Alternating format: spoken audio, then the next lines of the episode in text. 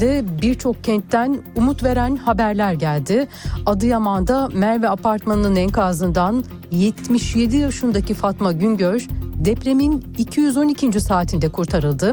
Hatay'ın merkez Antakya ilçesinde depremin 209. saatinde Suriyeli Faz Ganam ve eşi Fatma Murat Apartmanı'nın enkazından çıkarıldı. Adıyaman'da 7 katlı Merve Apartmanı'nın enkazından 9 yaşındaki Berat Yücel 207 saat sonra çıkarıldı. Kahramanmaraş'ta yıkılan İsa Bey Apartmanı'nın enkazından 205 saat sonra 35 yaşındaki Ayşegül Bayır kurtarıldı. Hatay Antakya'da da 77 yaşındaki Bedriye Uslu 205 saat sonra enkazdan çıkarıldı. Hatay'da Burçak Apartmanı'nda Suriyeli Dima Dabul 202. saatte 2 saat sonra da kuzeni Mina Dabul kurtarıldı ve 10 şehri vuran iki büyük depremin ardından Afet ve Acil Durum Yönetimi Başkanlığı AFAD'da Cumhurbaşkanı Erdoğan başkanlığında kabine toplantısı yapıldı. Toplantının ardından açıklama yapan Erdoğan, deprem felaketinin büyüklüğüne dikkat çekti. Dünyanın hangi ülkesinde yaşanırsa yaşansın görülebilecek aksaklıklar bizde de oldu dedi. Erdoğan, devletin tüm kamu kuruluşlarının deprem bölgesine ulaşmak için canla başla mücadele ettiğini söyledi. Böylesine büyük bir felaket dünyanın hangi ülkesinde yaşanırsa yaşansın görülebilecek aksaklıklar elbette bizde de yaşandı. Ama milletimizin şundan şüphesi olmasın. Tüm imkanlarıyla deprem bölgesine bir an önce ulaşmak ve çalışmalara başlamak için canla başla mücadele etmiştir. Erdoğan'ın gündeminde deprem bölgesinde yürütülen çalışmalara yönelik eleştiriler de vardı. Erdoğan isim vermeden CHP Genel Başkanı Kemal Kılıçdaroğlu'nu eleştirdi. Sırf siyasi çıkar elde etmek için sağa sola saldıranları görmekten doğrusu üzüntü duyuyorum. SPK önüne gidip siyaset yapanları, öğrencilerimizi kışkırtanları, insanları devletlerine karşı tahrik ederek canla başla yürütülen faaliyetleri sabote etmeye kalkanları asla unutmayacağız. E, MHP Genel Başkanı Devlet Bahçeli de deprem bölgesini ziyaret edeceğini söyledi. Partisinin grup toplantısında konuştu dün Bahçeli ve MHP nerede diye soranlara cevap verecek değilim. Biz her yerdeyiz ifadelerini kullandı. Makul bir zaman kollamıştı. Şimdi vakit yollara düşme vaktidir. Milliyetçi Hareket Partisi nerede diye soranları ciddiye alıp cevap verecek değilim. Ancak biz her yerdeyiz, göz pınarlarından sicim gibi akan yaşlardayız.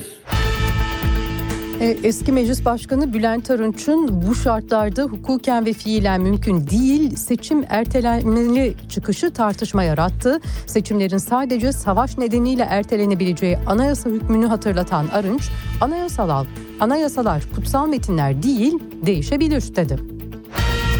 Eski Meclis Başkanı Arınç'ın seçim ertelensin çağrısına AK Parti'den ilk değerlendirme parti sözcüsü Ömer Çelik'ten geldi. Çelik seçimle ilgili herhangi bir şey konuşmayı çok yanlış buluruz dedi. Şu anda biz yaraları sarmanın mücadelesini veriyoruz. Seçimle ilgili herhangi bir şey konuşmayı çok yanlış buluruz. Hiçbir şekilde doğru bulmayız. Seçim ya da başka bir şeyin konuşulması söz konusu bile değil. Bu tip konuşmalarında bizimle bir ilgisi yoktur. Eski Meclis Başkanı Arınç'ın açıklamalarına muhalefetten tepki var. CHP Genel Başkanı Kemal Kılıçdaroğlu anayasanın 78. maddesine göre seçimlerin ancak savaş durumunda ertelenebileceğini hatırlattı. Sana verecek bir yıl değil bir günümüz bile yok seçim zamanında yapılacak dedi. İyi Parti sözcüsü Kürşat Zorlu da seçimlerin zamanında yapılması gerektiğini söyledi. Öncelikle hedefimiz yaralarımızın hemen sarılması hem bu sürecin ve ülke sorunlarının etkin çözümü hem de anayasamıza göre seçimlerin vaktinde gerçekleştirilmesi İyi Parti'nin temel yaklaşımı olacak ifadelerini kullandı.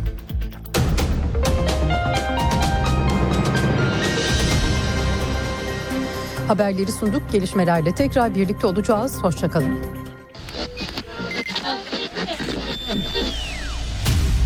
Radyo Sputnik yeni yayın döneminde de dop dolu. Ali Çağatay, Hayatın seyircisi değil, seyir halinin öznesi olabilmemiz için gün daha doğmadan haber için yola düşüyoruz. Atilla Güner, Bizim işimiz ayrıntılara erişmek. Hayatın her alanından, her konudan hakikate varmak istiyoruz. Her akşam bunun için mikrofon başındayız. Ceyda Karan, İçinde yaşadığımız çağı ve insanlığın büyük macerasını anlayabilmek için dünyanın her köşesine uzanıyoruz. Meliha Okur, sadece yüksek siyasetin koridorlarında gezinmiyor, insanlığın temel sorunlarına bakıyor, gelecek nesiller için bugünün hatalarını sorguluyoruz. ve Enver Aysever. Çok seslilikten vazgeçmiyoruz. Görevimizin tarihe not düşmek olduğunu biliyoruz.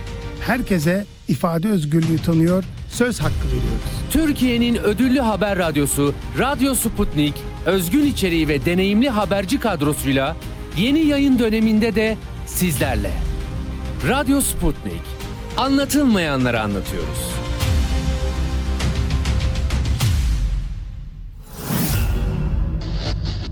Radyo Sputnik 5 merkezden karasal yayında. İstanbul 97.8, Ankara 96.2, İzmir 91, Bursa 101.4, Kocaeli 90.2. Karasal yayınlarımızın olmadığı yerlerde ise tr.sputniknews.com adresinden iOS ya da Android mobil cihazınızdan Sputnik News uygulamasını indirerek dinleyebilirsiniz. Radyo Sputnik. Anlatılmayanları anlatıyoruz. Dünya kadar mesele, dünyanın tüm meseleleri. Ceyda Karan, eksende dünyada olup biten her şeyi uzman konuklar ve analistlerle birlikte masaya yatırıyor. Dünyadaki meseleleri merak edenlerin programı Ceyda Karan'la Eksen hafta içi her gün saat 16'da Radyo Sputnik'te. Son dakika haberleri, canlı yayınlar, multimedya ve daha fazlası Sputnik Haber Ajansı'nın web sitesinde. Dünyanın küçük bir parçasını değil, tamamını anlamak istiyorsanız sputniknews.com.tr'yi tıklayın, habersiz kalmayın. Radyo Sputnik artık dünyanın en çok kullanılan sosyal ağlarından biri olan Telegram'da. Hala kullanmıyorsanız önce Telegram uygulamasını mobil cihazınıza yükleyin. Ardından Radyo Sputnik'in Telegram kanalına katılın. Canlı yayınlarımızı ve programlarımızı kaçırmayın. Anlatılmayanları anlatıyoruz. Ali Çağatay'la Seyir Hali başlıyor. Güne erken başlayanların, gündemi ıskalamayanların, siyasetin, ekonominin, sanatın, kısacası hayatın seyrini kaçırmayanların programı.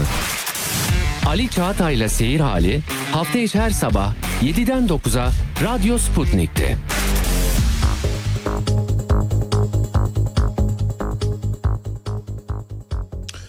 Radyo Sputnik'te seyir halindesiniz. İstanbul 97.8, Ankara 96.2, İzmir 91.0, Bursa 101.4 ve Kocaeli 90.2 frekansından bizi dinleyebilirsiniz.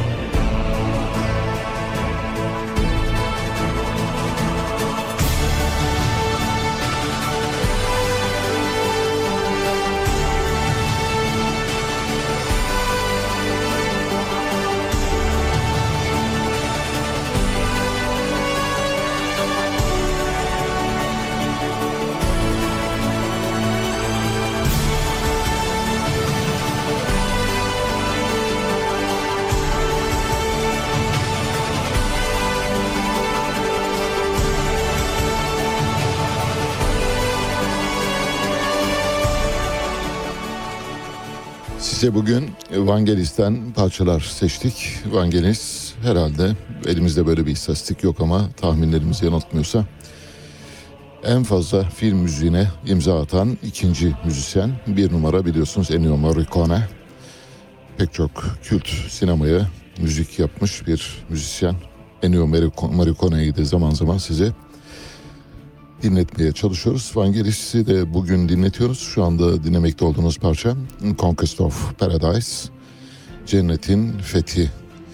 Vangelis'i geçen yıl kaybettik. Koronaya bağlı sekonder komplikasyonlar yüzünden uzunca bir süre hastanede yattı ve maalesef hayata veda etti. 17 Mayıs 2022'de hayata veda etti. Chariots of Fire adlı bir bestesi var. Daha doğrusu film müziği var. Blade Runner keza onun eseri. Carl Sagan'ın Kozmos'u adlı bir film vardı. Onun müziklerini yaptı. 1981'de Chariots of Fire şu anda dinlemekte olduğunuz parçadan sonra gelecek olan Chariots of Fire parçasıyla akademi ödülü aldı kendisi. Paris'te koronavirüsün oluşturduğu komplikasyonlardan dolayı 3 aydır tedavi görüyordu. 17 Mayıs'ta da hayatını kaybetti maalesef. Kendisi bir Woodstock kuşağının ürünü, Woodstock kahramanı demek lazım. Biz Woodstock kahramanlarını önemsiyoruz biliyorsunuz. O kuşağa özel bir saygımız var. İnsanlığın saygısı var. Bizim saygımızdan öte insanlığın saygısı olması gerekiyor. Çünkü dünyanın belki de Fransız ihtilalinden sonra en büyük ayağa kalkmasıydı. En büyük kıyamı idi. O kıyamı gerçekleştiren isimlerden biriydi. Vangelis aynı zamanda. 1968 öğrenci olaylarında Paris'e taşındı ve orada Demis Roussos, Lucas Sideras ve Argiris Kularis ile birlikte Aphrodite Child adlı bir grup kurdu. Afrodit'in çocukları fakat grup çok başarılı olamadı ve dağıldı bir süre sonra.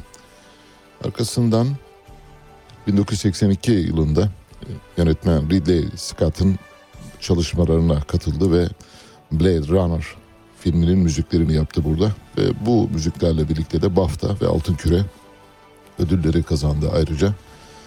2001'de orkestral bir albüm olan e, Mitodeia'yı çıkardı. Bu eser NASA tarafından Mars özel görevleri tema müziği olarak kullanılıyor. Şu anda Mars'ın müzikleri Ma- NASA'ya ait Mars yapımlarının tamamında bu müzik kullanılıyor. Dolayısıyla onun ruhuna gönderiliyor her seferinde Mars'a doğru giderken.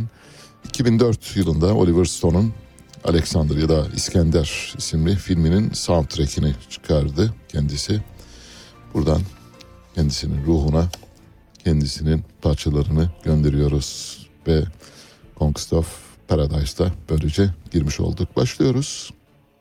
Neyle başlayacağız? Maden Tetkik Arama Enstitüsü yenilenmiş diri fay hatlarının haritalarını başladı, e, paylaştı.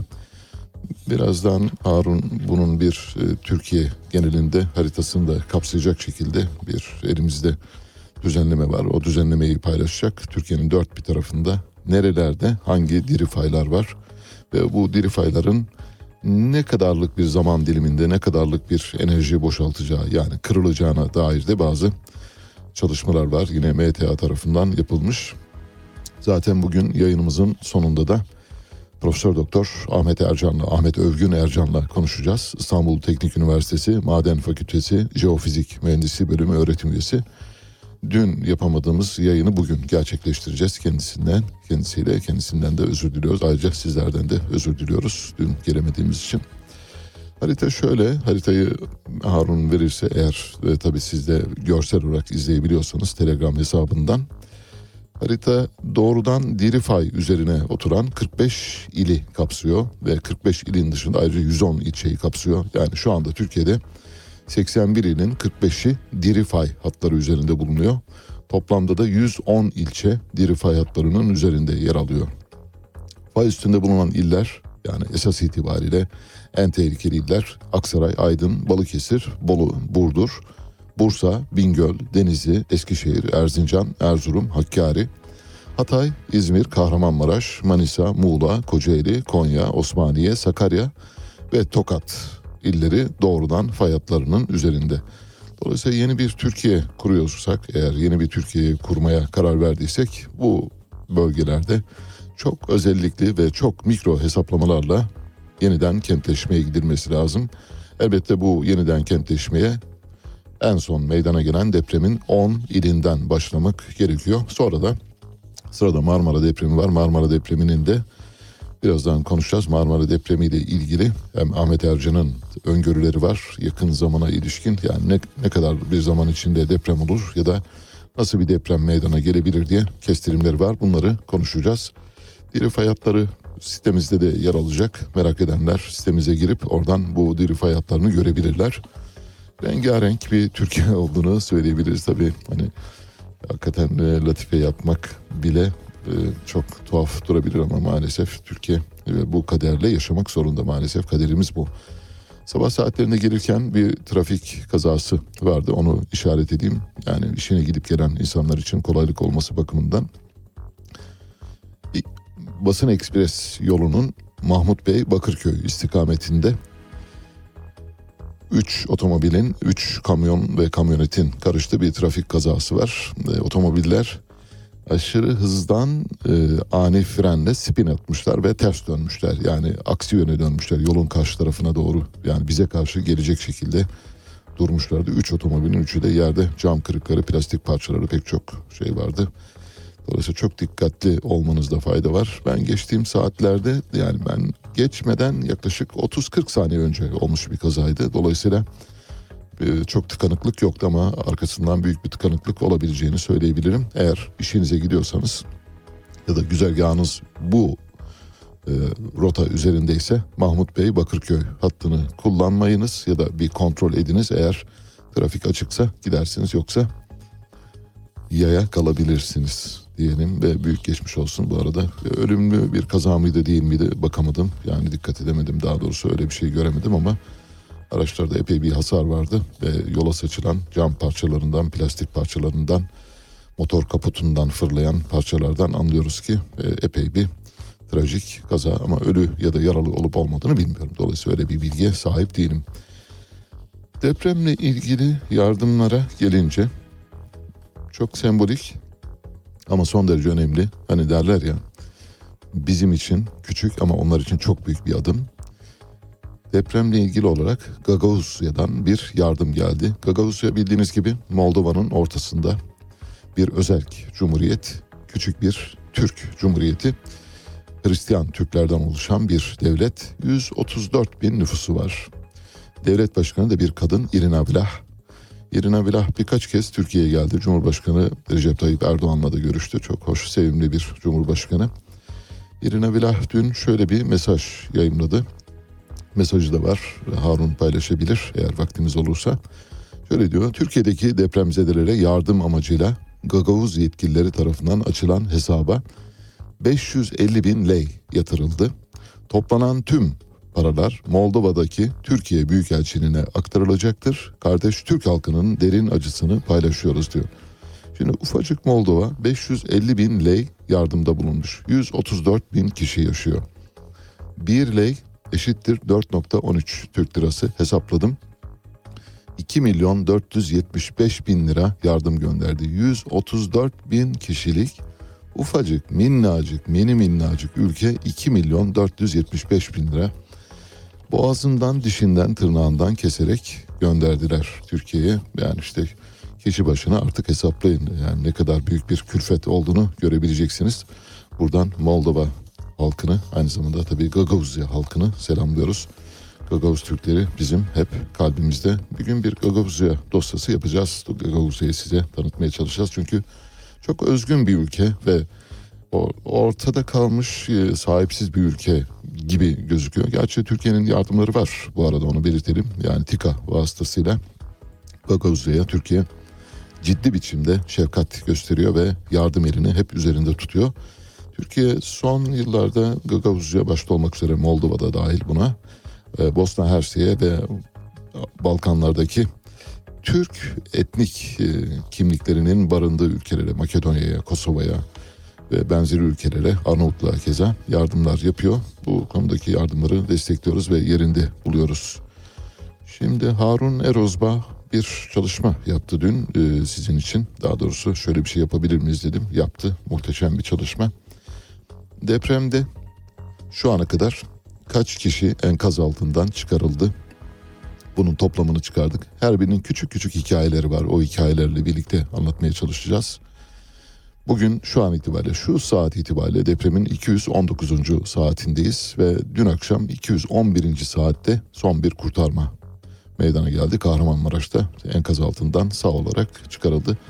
Bu aradan yeni gelmişken belki çok fazla önemli gibi gözükmeyebilir ama enkazlar diyor Türk medyası. Enkaz zaten çoğul dolayısıyla hani enkazlar demek çok doğru bir nitelime değil. Yeri gelmişken belirtmiş olalım.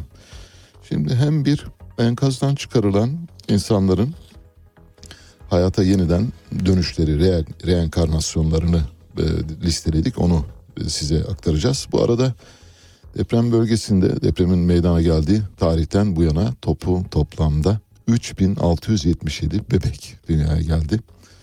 Onlara hoş geldiniz, sefalar getirdiniz diyoruz. 10 ilde 3677 bebek. Ee, Sağlık Bakanı Fahrettin Koca açıkladı. Şöyle dedi, onların o ilk ağlamalarını biz biraz da can kayıplarına ağıt gibi hissettik. Deprem şehirlerinde yeni doğmuş bebekler hepimizin evlatlarıdır. Allah uzun ömürler versin, hayat hiç incitmesin dedi Fahrettin Koca. Biz de katılıyoruz bu dileklere. Evet hazırsanız hayata yeniden başlayanların dosyasını aralıyoruz. 13 yaşındaki Kaan adında soyadını bilemediğimiz bir e, vatandaşımız 13 yaşında 182. saatte Hatay'ın Antakya ilçesinde Akaretler mahallesinde enkazdan çıkarıldı. 39 yaşındaki Hatice Akan 180 saat sonra çıkarıldı enkazdan keza. Hatay Antakya'da bu arada toplam sayının 66 olduğunu söyleyelim. Bizim değerleyebildiğimiz sayı bu. Elbette AFAD'ın e, değerlemeleri yayınlandığı zaman göreceğiz hep birlikte ama biz şu ana kadar Harun'un gayretleriyle, çabalarıyla böyle hani iğneyle kuyu kazarcasına bir derleme yaptık. 66 kişiyi kurtarmışız bugüne kadar. Ve bu 66 kişinin kurtarılmasında büyük bir uluslararası dayanışmanın olduğunu görüyoruz. Yani dünyanın pek çok ülkesinden, Avustralya'dan, Yeni Zelanda'ya, İngiltere'den, Kosova'ya kadar e, ve Ermenistan'a kadar, İsrail'e kadar pek çok ülkeden yardım geldi ve kurtarma ekipleri şu anda canla başla, feragatla çalışıyorlar bölgede. Hatay, Antakya'da 72 yaşındaki Nuray Preniç 172. saatte sağ olarak kurtarılanlardan. Küçükçekmece Belediyesi arama kurtarma ekibinden gelen e, destek sayesinde kurtarıldı. 178 saat sonra Nuray Perin Preniç hayata dönmüş oldu. Bir başka kurtarma var Hatay'da yine. Derya Akdoğan 26 yaşında ve 178. saatte hayata döndürüldü. Yine Hatay İskenderun'da enkazın altında 5 gün boyunca yaşam mücadelesi veren Hacı Murat Kılınç şöyle kurtarıldıktan sonra dedi ki bulunduğumuz yer çok dardı. İki büklüm kaldık. Zaman kavramımız da yoktu. Sadece ilk iki günü telefonla anladık. Ben yedinci günümüzde olduğumuzu zannediyordum. Parkeleri kaldırdım, ayağımı kurtardım. Dolap sırtımıza çarptı. Eşimin omuriliğinde bir kırık meydana geldi. Orada küçük bir alandaydık. Oraya attık kendimizi. Sonra büyük bir deprem daha oldu.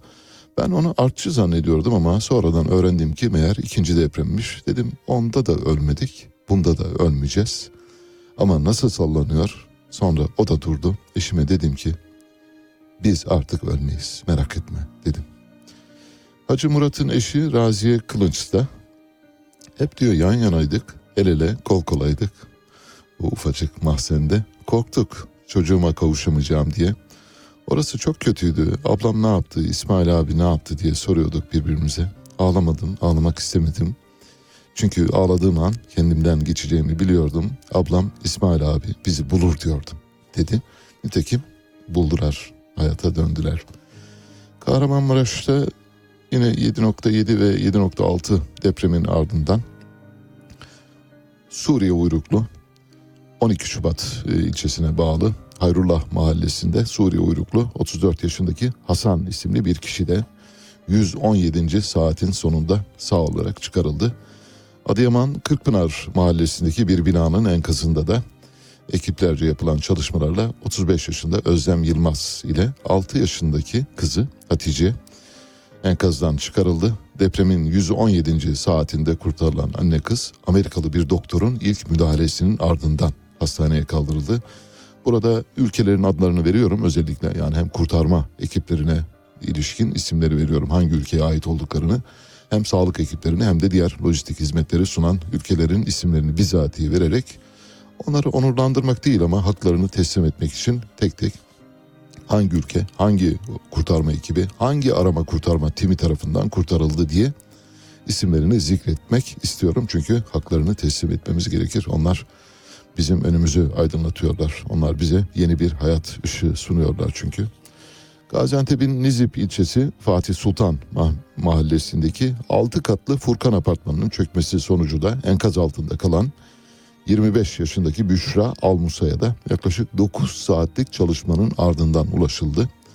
Büşra Almusa depremden 119 saat sonra enkazdan çıkarılarak çevredekilerin tekbir sesleri eşliğinde hastaneye kaldırıldı. Enkazdan çıkınca zafer işareti yaptı ve Almusa'nın Nizip Kaymakamlığı Sosyal Yardımlaşma Vakfı'nda tercümanlık yaptığı öğrenildi. Arapça tercümanlığı yapıyormuş. Burada dikkatinizi çeken husus şu olmalı. 9 saat. 9 saat enkazdan canlı kurtarmada az bile 12 saatlik, 15 saatlik, 24 saatlik çalışmalar var. Şimdi birazdan onlara da geleceğiz.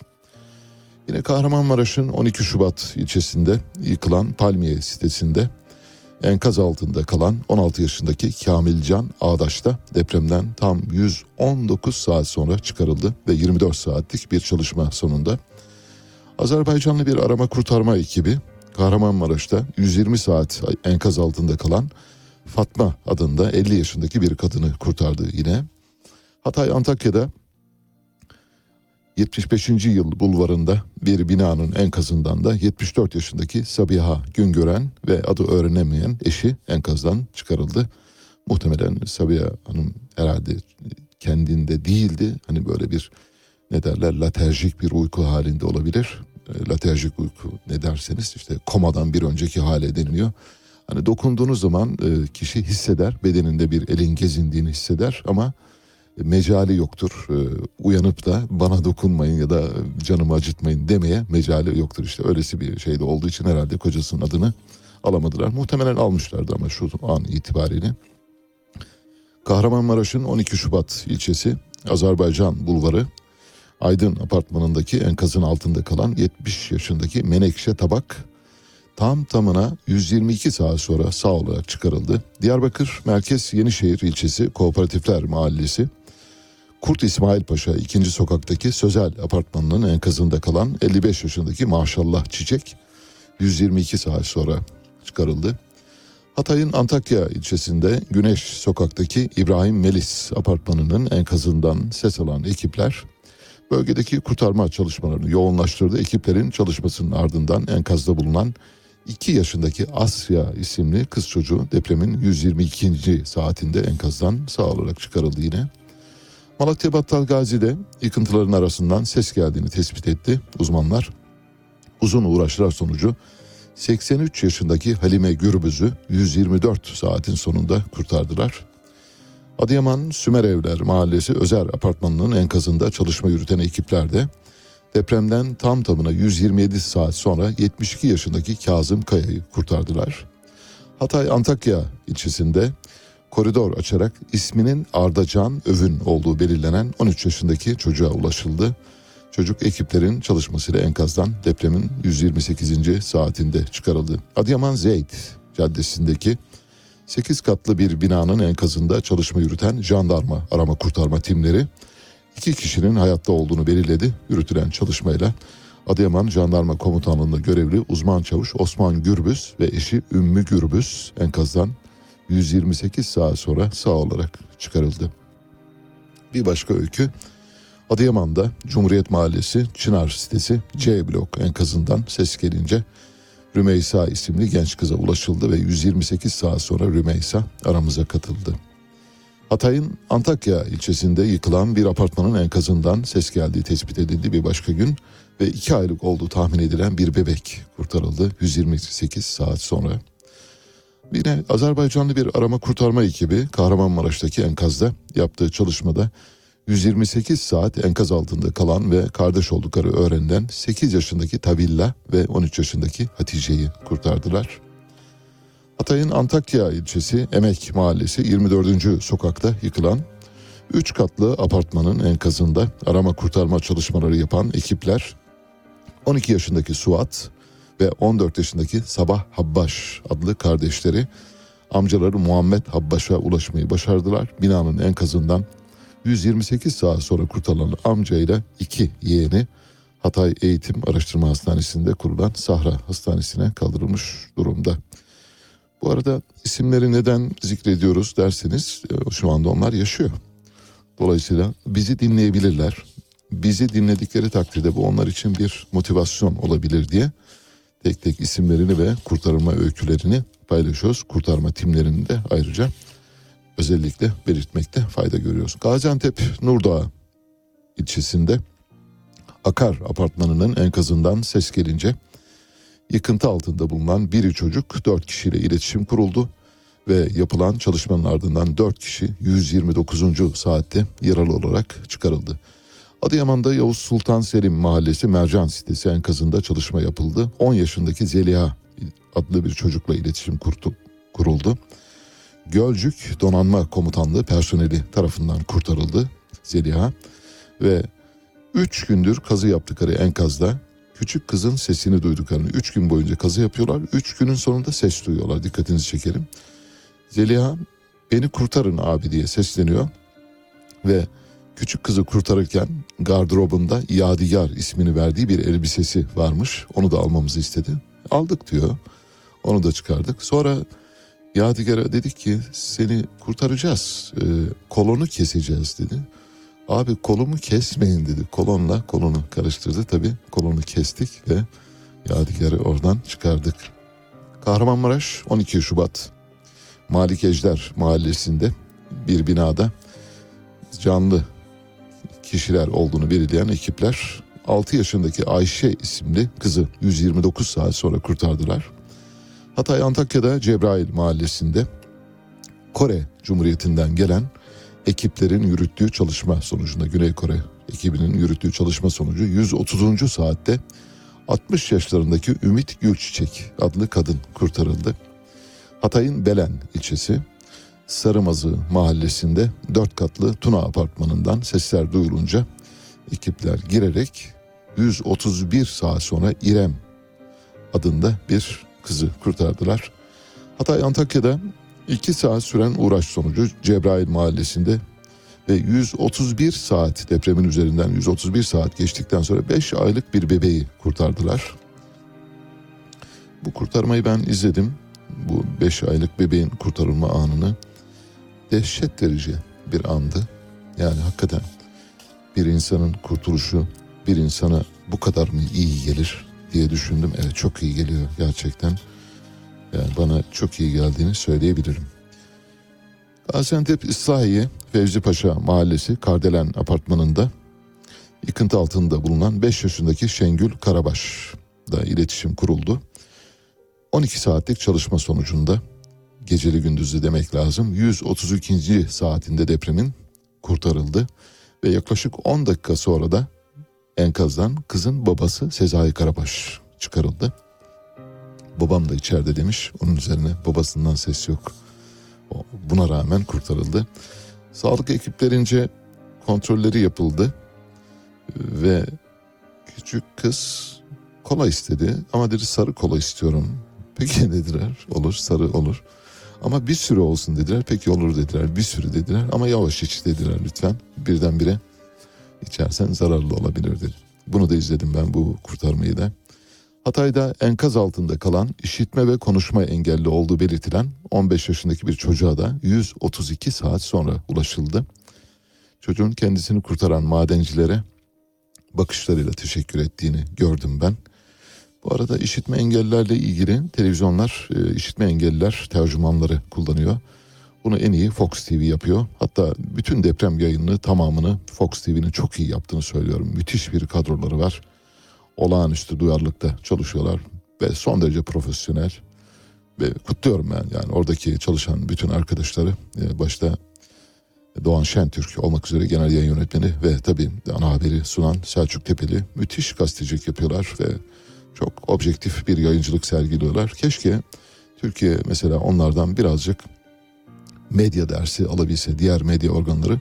İşitme engelliler e, tercümanlarını 24 saat kullanıyorlar ekranlarında.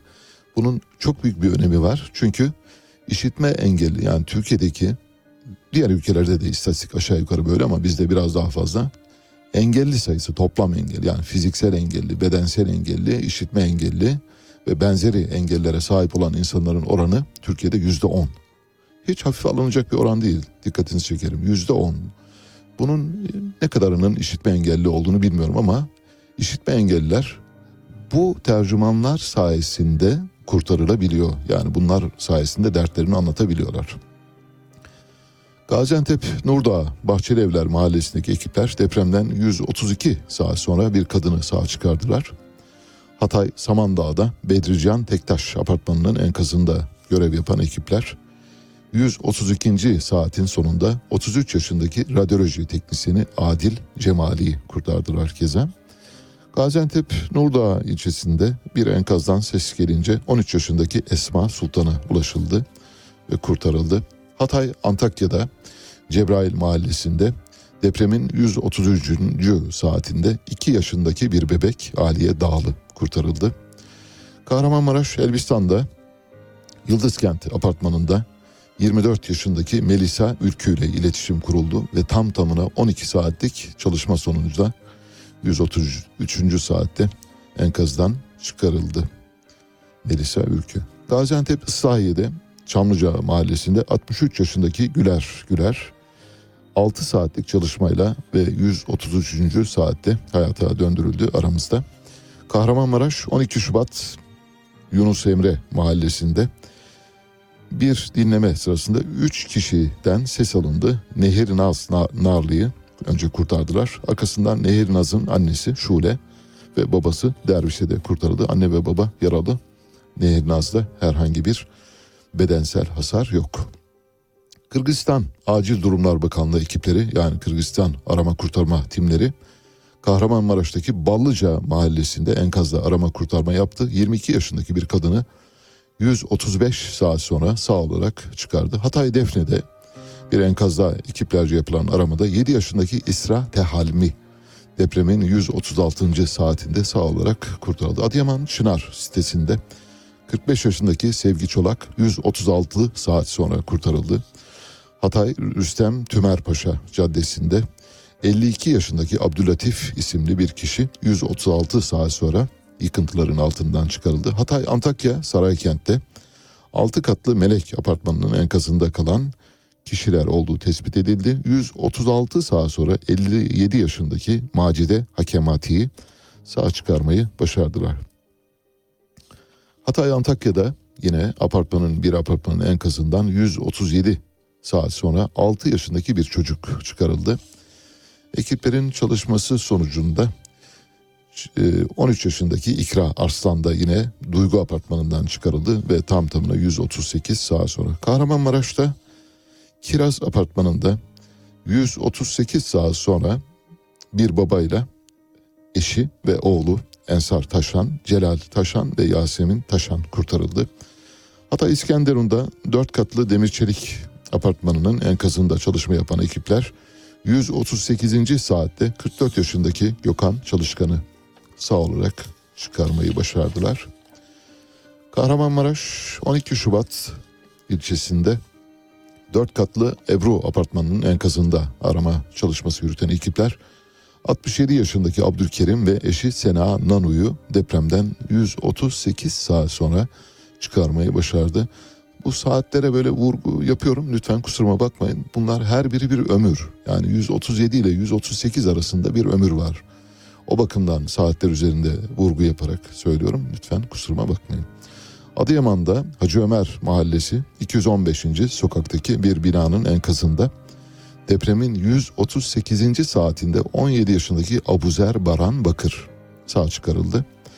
Hatay'ın Antakya ilçesinde Adnan Menderes Caddesi Doğan Apartmanı'nda Fatma Öyel 138 saat sonra yine kurtarıldı. Hatay Antakya'da Kışla Saray Mahallesi Fevzi Çakmak Caddesi'nde 7 aylık Hamza bebek kurtarıldı. Hamza bebeğin kurtarılma anını da ben canlı olarak izledim. Hatay'ın Antakya ilçesi Narlıca mahallesinde yıkılan deniz apartmanının enkazından sesler geldiği tespit edildi. Tam tamına 140 saat sonra hamile bir kadın ile erkek kardeşi sağ olarak kurtarıldı.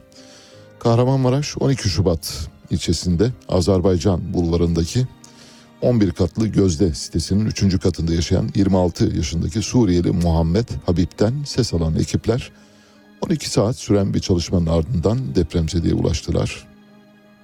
Kahramanmaraş'ta İsa Bey apartmanında jandarma arama kurtarma timleri tarafından tam tamına 205 saat sonra Ayşegül Bayır adında bir kadınla iletişim kurdular. Buraya dikkat ve tam tamına 5 metrelik bir tünel açtılar. İki insanın sığabileceği genişlikte 5 metrelik bir tünel çünkü kurtarıcı ile birlikte çıkarılıyor. Bir de daha dar açılan bir tünel var onu da bizatihi izledim ben. Tek kişinin sığabileceği kadar bir tünel açtılar ve el ele tutuşarak çekerek çıkardılar. Yani diğerleri kurtarma personelinin bacaklarından tutup sıyırarak çıkardılar. Yine sıyırarak e, depremzedeyi de o tünelden çıkardılar. Ve Ayşegül Bayır enkazdan çıkarıldı tam 205 saat sonra.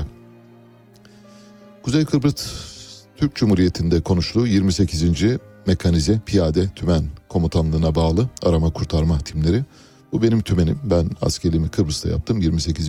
Mekanize Piyade Tümen Komutanlığı'na bağlı bir alayda, bir taburda yaptım. Yedek subay olarak. Onlar kurtardılar. Antakya'da 15 yaşındaki Sıba Eburas isimli çocuk kurtarıldı. Kahramanmaraş'ın Merkez Dulkadiroğlu ilçesinde depremin 198. saatinde iki kardeş mahsur kaldıkları enkazdan çıkarıldılar keza. 198. saatte Muhammed E- Enes Yeninar adında bir çocuk kurtarıldı genç ve aynı enkazdan 21 yaşındaki Baki Yeninar da çıkarıldı. Adıyaman'da yıkılan bir binanın enkazında kalan 18 yaşındaki Muhammed Cafer Çetin 198 saat sonra enkaz altından çıkarıldı. Türk Silahlı Kuvvetleri arama kurtarma timleri ve Zonguldak maden işçileri başımızın tacı onlar ve UMKE ekiplerinin ortak çalışmasıyla Fırat sitesinin enkazından 18 yaşındaki Muhammed Cafer Çetin'e ulaşıldı ve 198 saat sonra kurtarıldı. Madenciler için özel olarak bir başımızın üzerinde yeri var dedim. Onların daha fazlasını hak ettiğini düşünüyorum şahsen.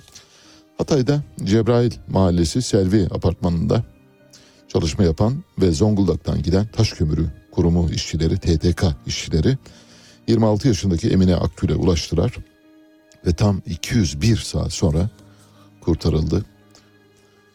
Adıyaman merkezde Kılıç Apartmanı'nda 177. saatte 35 yaşındaki Bünyamin İdacı kurtarıldı. Hatay'da 175. saatte Naide Umay keza kurtarıldı.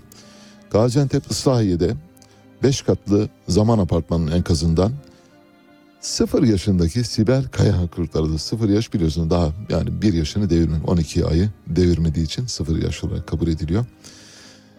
Adıyaman'ın Besni ilçesinde depremden 166 saat sonra 60 yaşındaki Erengül Önder kurtarıldı. Hatay'da 7 yaşındaki Mustafa isimli bir çocuk kurtarıldı yine 177. saatte.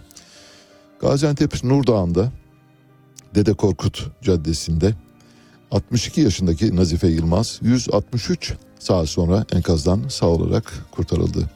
Adıyaman'da 44 yaşındaki Naime Şakar yine aynı şekilde. Cengiz Polat Bahçelievler Mahallesi Adıyaman'da Olgan Apartmanı'nda 45 yaşındaki Cengiz Polat kurtarıldı saati belli değil. Depremin 162. saatinde 16 yaşındaki Ayşe isimli bir kız kurtarıldı keza. Hatay İskenderun'da 162. saatte arama kurtarma çalışmaları sonuç verdi. Mustafa Kemal Mahallesi Hacı Alioğlu apartmanı enkazından 50 yaşındaki Güler Ağrıtmış sağ olarak çıkarıldı. Hatay'da 160 saat sonra 62 yaşındaki Mehmet Şükrü Hedibe sağ olarak kurtarıldı. Bitlis Jandarma Özel Harekat Tabur Komutanlığı ekipleri yani arama kurtarma timleri tarafından 160 saat sonra Aysima Baltacı adındaki 10 yaşındaki bir çocuk kurtarıldı. Gaziantep Nurdoğan'da Saadet Coşkun keza enkazdan kurtarılanlar arasında. Kahramanmaraş 12 Şubat'ta bir binanın enkazından bebeğin ağlama sesleri duyuldu ve 7 katlı binanın enkazında arama kurtarma çalışması başlatıldı. 3 yaşındaki Yavuz Cambaz çıkarıldı.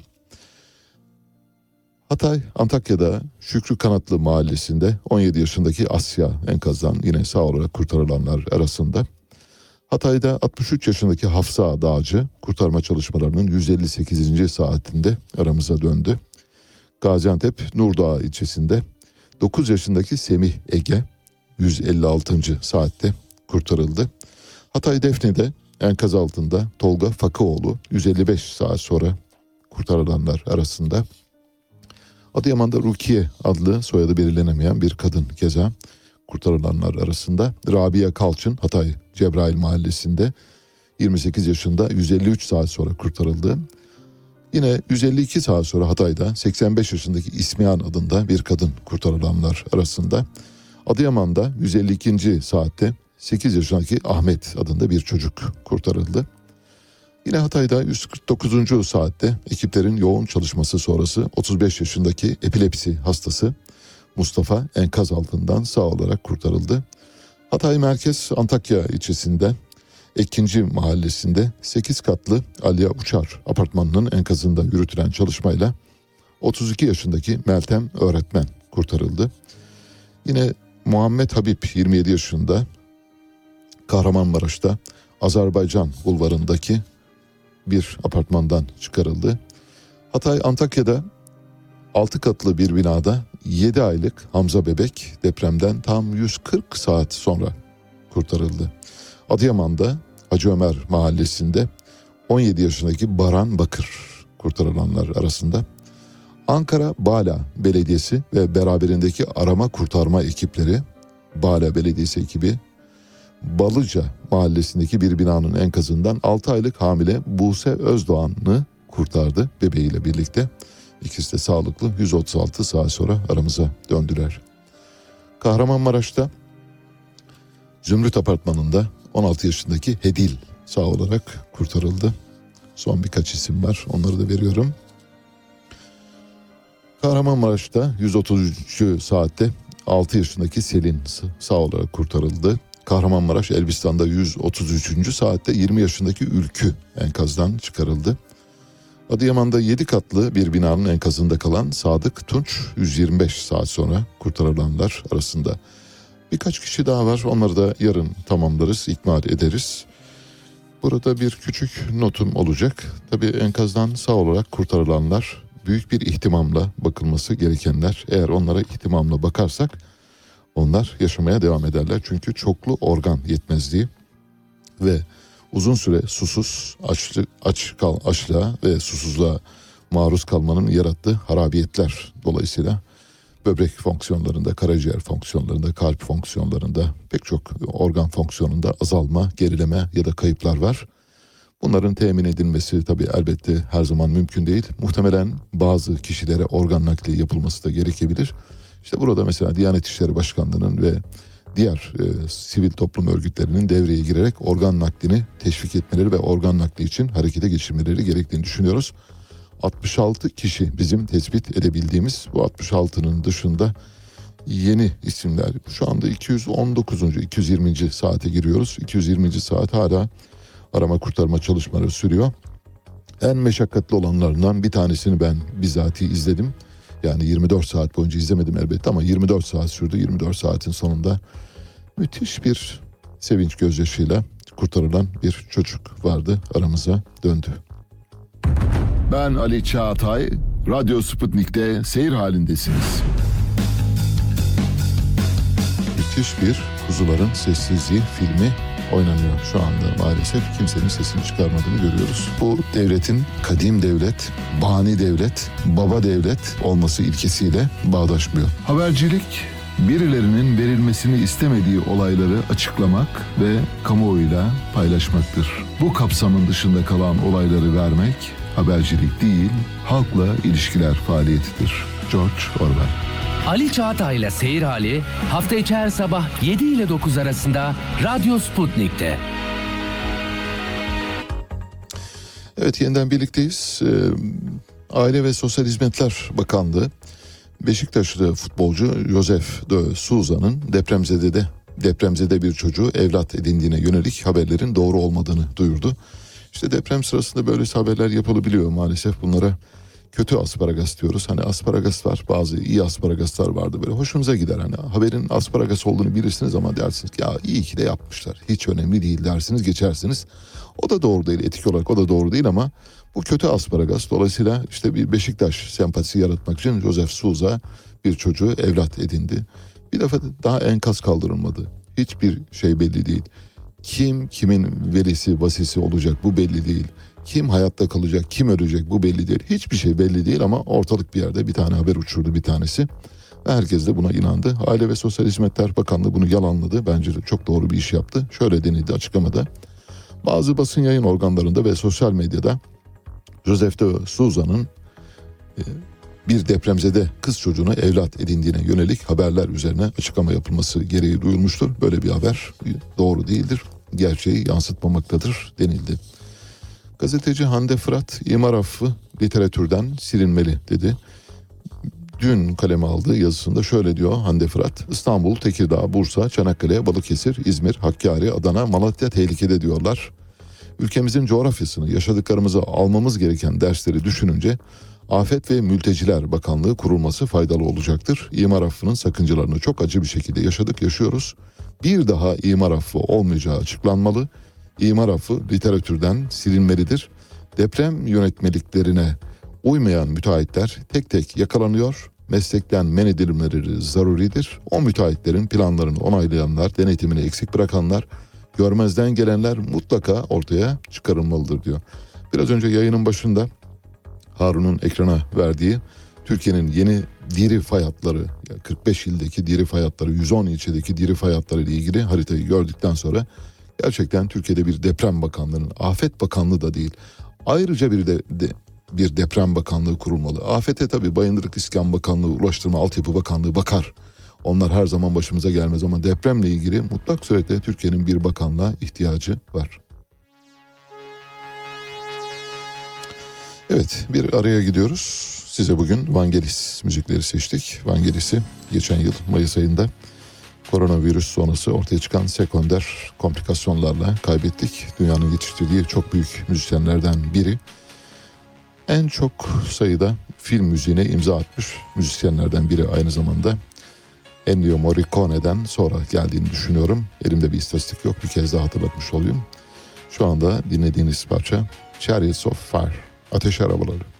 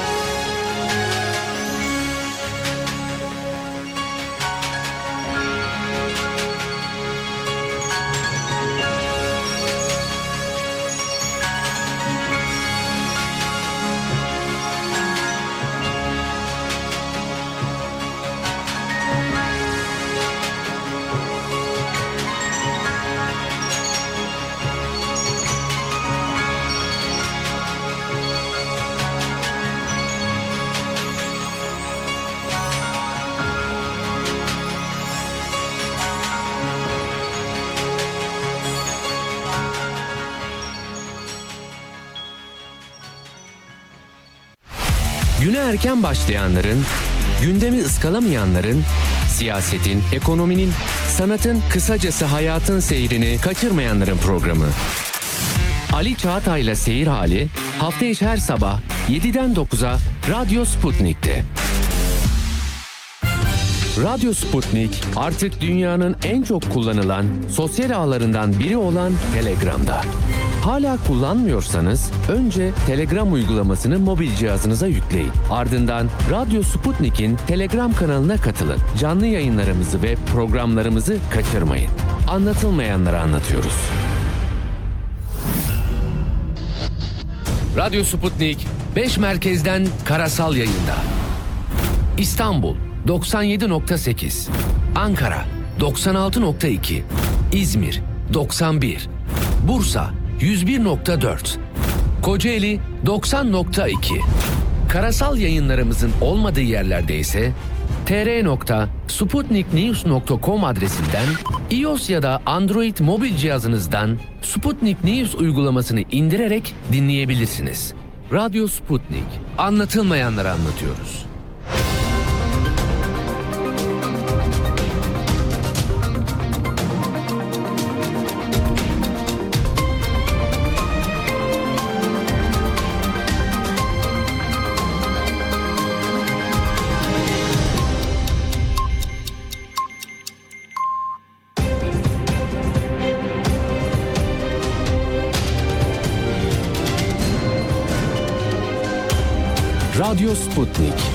Anlatılmayanları anlatıyoruz.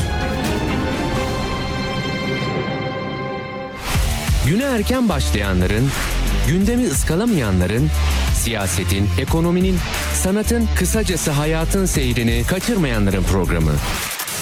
Ali Çağatay'la Seyir Hali hafta içi her sabah 7'den 9'a Radyo Sputnik'te.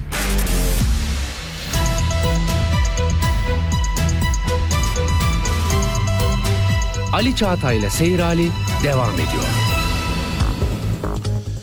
Yeniden birlikteyiz. Yayınımızın sonuna doğru saat 8.30 gibi İstanbul Teknik Üniversitesi Maden Fakültesi Jeofizik Mühendisi Bölümü öğretim üyesi Profesör Doktor Ahmet Övgün Ercan'la konuşacağız. Türkiye'nin MTA tarafından açıklanan diri fay hatlarını gösteren harita eşliğinde hem bu diri fay hatlarını konuşacağız hem de Marmara depremi ile ilgili yeni öngörüler var, yeni tahminler var bilim insanlarının. Bu öngörüleri konuşacağız. Yani ne zaman olabileceğine, ne kadar şiddetli olabileceğine ve ne kadar büyük bir yıkım doğurabileceğine dair öngörüler var. Bunları sizinle paylaşacağız. Birkaç küçük haber var. Arkasından e, gazetelere bakacağız. Gündelik gazetelerin başlıklarıyla ilgili de birkaç haber vermeye çalışacağım size. Beyaz Saray'dan şöyle bir açıklama geldi. Beyaz Saray uzaylılar ya da dünya dışı nesnelere dair hiçbir kanıt yok dedi. Bildiğiniz gibi bir süredir Amerikan semalarında, Amerika'nın derinliklerinde, gökyüzünün yüksekliklerinde Çin ve ya da hangi ülkelere ait olduğu tam olarak bilinmeyen ama birkaçının Çin'e ait olduğu biliniyor. Balonlar dolaşıyor. Bu balonlar da Amerikan Hava Kuvvetleri tarafından vuruluyor. Bu balonların uzaylılar tarafından gönderilmiş nesneler olabileceğine dair Amerikan kamuoyunda hurafe benzeri dedikodusal haberler yayılmaya başlayınca NASA devreye girdi ve dünya dışı nesnelere dair hiçbir kanıt yok dedi. Bu şu anlama geliyor. Bu olaylar dünya dışı nesnelere ait kanıtları içermiyor. Bu ama dünya dışı nesnelere ait kanıtlar yok anlamına gelmiyor. Dolayısıyla hani haberin yazılış biçimine baktığımızda sanki NASA şöyle diyor. Yok kardeşim öyle öyle öyle bir şey yok. Öyle uzaylı muzaylı falan başımıza iş çıkarma öyle demiyor. Bunlar onlara ait değil diyor. Onlar var mı? Onu biliyoruz. Onların var olduğunu biliyoruz. Hem de nasıl biliyoruz? Pek çok şeye dayalı. Önce bu haberi paylaşalım. Beyaz Saray Ulusal Güvenlik Konseyi Stratejik İletişim Koordinatörü John Kirby, Çin'in istihbarat faaliyetleri kapsamında Çin Halk Kurtuluş Ordusu'na bağlı yüksek irtifa gözetleme balonu programına sahip olduğunu söyledi. Günlük basın toplantısında John Kirby, 4 Şubat'ta Amerikan hava sahasında tespit edilen Çin casus balonunun ardından son günlerde tanımlanamayan cisimlerin tespit edilmesi ve bunların vurularak düşürülmesiyle ilgili gazetecilerin sorularını yanıtladı. John Kirby, Çin'in istihbarat toplamak amacıyla Çin Halk Kurtuluş Ordusu'na bağlı yüksek irtifa balonları programına sahip olduğunu tespit ettiklerini söyledi. yabancı istihbarat toplama faaliyetleriyle ilgili bilgilere ilişkin hassas olduğu gerekçesiyle fazla detay veremeyeceğini belirten Kirby, Donald Trump yönetimi zamanında Çin'in bu programının devrede olduğunu ancak bunun Trump idaresinin değil kendilerinin tespit edebildiklerini söyledi. Şunu demek istiyor. Trump bütün bunlara göz yumdu ama biz geldik yani Joe Biden geldi ve artık bunları tespit etti.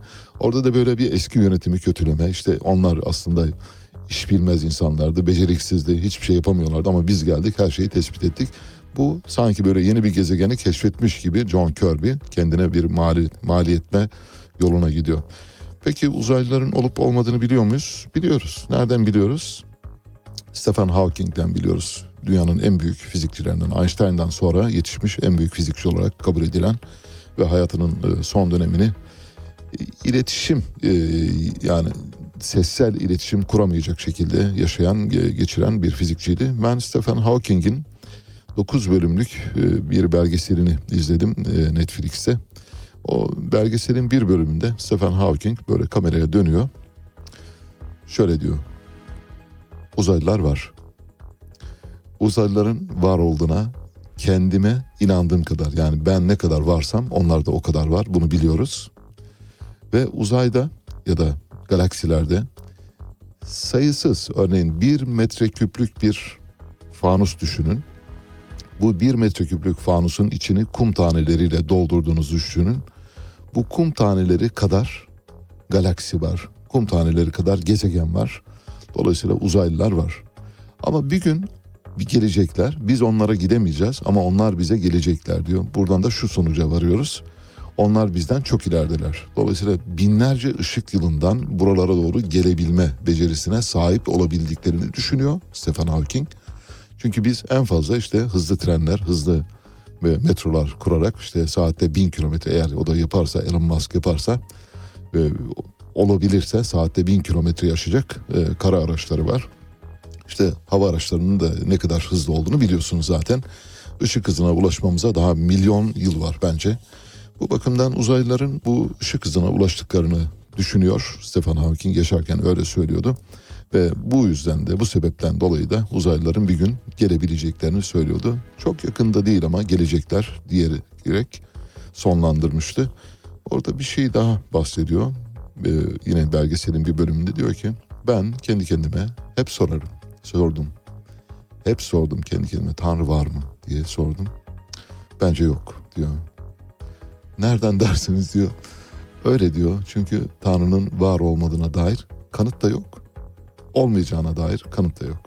Ama ben Tanrı'nın var olmadığını düşünüyorum. Dolayısıyla Tanrı'nın var olmadığı varsayımına göre yaşamanızı tavsiye ederim demişti Stephen Hawking. Portekiz'de böyle hafif uhreviyata girdik. Oradan bir uhreviyat haberiyle devam edelim. İlahiyat haberiyle devam edelim. Portekiz Katolik Kilisesi bir soruşturmaya tabi tutuldu ve soruşturma sonunda Portekiz Katolik Kilisesi'nin 4815 çocuk çocuk üzerinde istismar suçu işlediği tespit edildi. Koordinatörlüğünü Pedro Streç'in yaptığı bağımsız bir komisyon 1950'den bu yana Portekiz Katolik Kilisesi'ndeki 17 yaş altı çocuklara yönelik cinsel istismar iddialarıyla ilgili raporunu tamamlayıp kamuoyuyla paylaştı. Komisyon çalışmaları kapsamında 512 tanığın ifadesine başvuruldu. Çocuk Psikiyatristi Komisyonu Başkanı Stretch düzenlediği basın toplantısında toplam mağdur sayısına ulaşmamız mümkün değil dedi. Çünkü bazı çocukların birden fazla kez istismara uğradığını biliyoruz. Mağdurların çoğu erkek. Cinsel istismarın %77'si rahipler tarafından yapılmıştır. Bağımsız komisyon ellerindeki deliller göz önünde bulundurulduğunda 25 vakayla ilgili Portekiz mahkemelerinde dava açma yoluna başvurdular. 4815'e 25 nasıl oran? 4815 cinsel istismar ve bazıları müteaddit defalarca olmak üzere istismar var. İstismardan kastımızı anlıyorsunuz değil mi? Tecavüz diyoruz yani adlı adınca söylemek lazım. 4815'ten 25 dosya çıkarılabilmiş durumda. Çünkü herkes birbirinin ayıbını örtüyor maalesef. Kardinaller örtüyor. Kardinallerin örtemediği ayıbı Papa örtüyor. Papa'nın örtemediği ayıbı da artık kimler örtüyor bilmiyoruz. Komisyon Portekiz Psikoposlar Konferansı Başkanı Jose Ornelas'ı savcılık tarafından açılan cinsel istismar iddialarıyla ilgili soruşturmanın üzerini örtmekle suçladı ayrıca. Ornelas, Mozambik'te olduğu iddia edilen cinsel istismar olaylarında kilise görevleriyle ilgili soruşturmayı kapatmaya çalıştığı gerekçesiyle geçen Ekim ayında ifade vermişti. Katolik kilisesinde cinsel taciz iddiaları son yıllarda birçok ülkede gündeme getirildi. Fransa'daki bağımsız komisyon son 70 yılda kiliselerde rakama dikkat lütfen 216 bin çocuğun cinsel istismar mağduru olduğunu açıkladı. Tabi bu Fransa Bağımsız Komisyonu'nun tespit edebildikleri o, o komisyonun tespit edebildiği son 70 yılda 216 bin çocuktan bahsediyoruz ve çoğunluğunda erkek olduğunu bu arada belirtmek gerekir. Evet böylece şimdi küçük bir maruzatta bulunacağım size. Maruzatımızın konusu biliyorsunuz borsa. Borsa spekülasyonu ve manipülasyonu. Pazartesi günü bir dosyanın kapağını aralamıştık. Bu dosyanın 5'te 4'ünü aslında pazartesi günü sizinle paylaştım. 5'te 4'ünü. 5'te birlik bölümü kalmıştı. O 5'te birlik bölümünü Ahmet Ercan'ın telefon bağlantısı saatinden zaten kısmıştık. Daha fazla kısmamak için başka bir güne dedik. Şimdi dün biraz üzerinde çalıştım. Dosyanın tekemmül edebilmesi için, hukuk deyimiyle söylüyorum, tekemmül edebilmesi için bir miktar daha araştırma yapmam gerekiyor.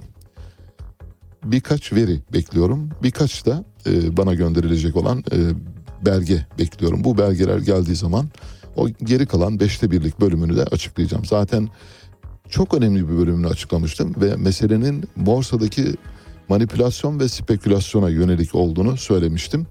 Diyeceksiniz ki bu titizlik neden? Bu titizlik şundan. Biz iki buçuk yıldır, Onurcuğum iki buçuk yıl oldu değil mi? Evet. İki buçuk yıl oldu. Onur benim arkadaşım. Tam böyle Onur kıvama geldi. Yani radyo moderatörlüğü yapacak kıvama geldi. Bırakıp gidiyor. Halbuki ben kavuğu ona devretmeyi düşünüyordum. Yani bir gün eğer hani olursa kim olur vallahi Onur yapabilir diye. Kavuğu alma şansını maalesef tepti. Yani ama da daha iyi bir hayata yelken açıyor. Onu söyleyeyim yani çok mutlu olacağı bir hayata doğru gidiyor. Şimdi iki buçuk yıldır yayın yapıyoruz. Bu iki buçuk yıl içinde buraya lütfen dikkat, özel dikkat rica ediyorum. Tek bir hukuk davası, tek bir ceza davası, tek bir tazminat davası, tek bir hak gaspı davasına maruz kalmadık. Yani iki buçuk yıl boyunca yaptığımız yayınlardaki dozajı da düşündüğünüzde, neler konuşulduğunu da düşündüğünüzde iki buçuk yıl boyunca bize açılmış tek bir dava yok. Dolayısıyla çok hassas, çok ölçüp tartarak, çok ince bir radardan geçirerek ve çok kuyumcu hassasiyetiyle hareket ederek yürüdüğümüz için öyle ki suçladığımız bakanlar, suçladığımız bürokratlar, suçladığımız çok önemli kişiler vardı. Suçladığımız derken isnatsız suçlamalardan bahsetmiyoruz. Elimizde belgeleri vardı, koyuyorduk belgeleri, o belge üzerine konuşuyorduk. Ama tabii kimseye hakaret etmeden, kimsenin kişilik haklarına dokunmadan, kimseyi aşağılamadan, kimseyi hakir görmeden yapıyoruz bunu. İşte o yüzden de herhangi bir davaya muhatap olmadık. İşte bu yüzden o geri kalan beşte birlik bölümü ikmal ettiğim andan itibaren evet tamam ben bunu sunabilirim dediğim andan itibaren sunacağım merak etmeyin. Şimdi Borsa İstanbul'la ilgili dün önemli gelişmeler oldu. Onları size aktaracağım.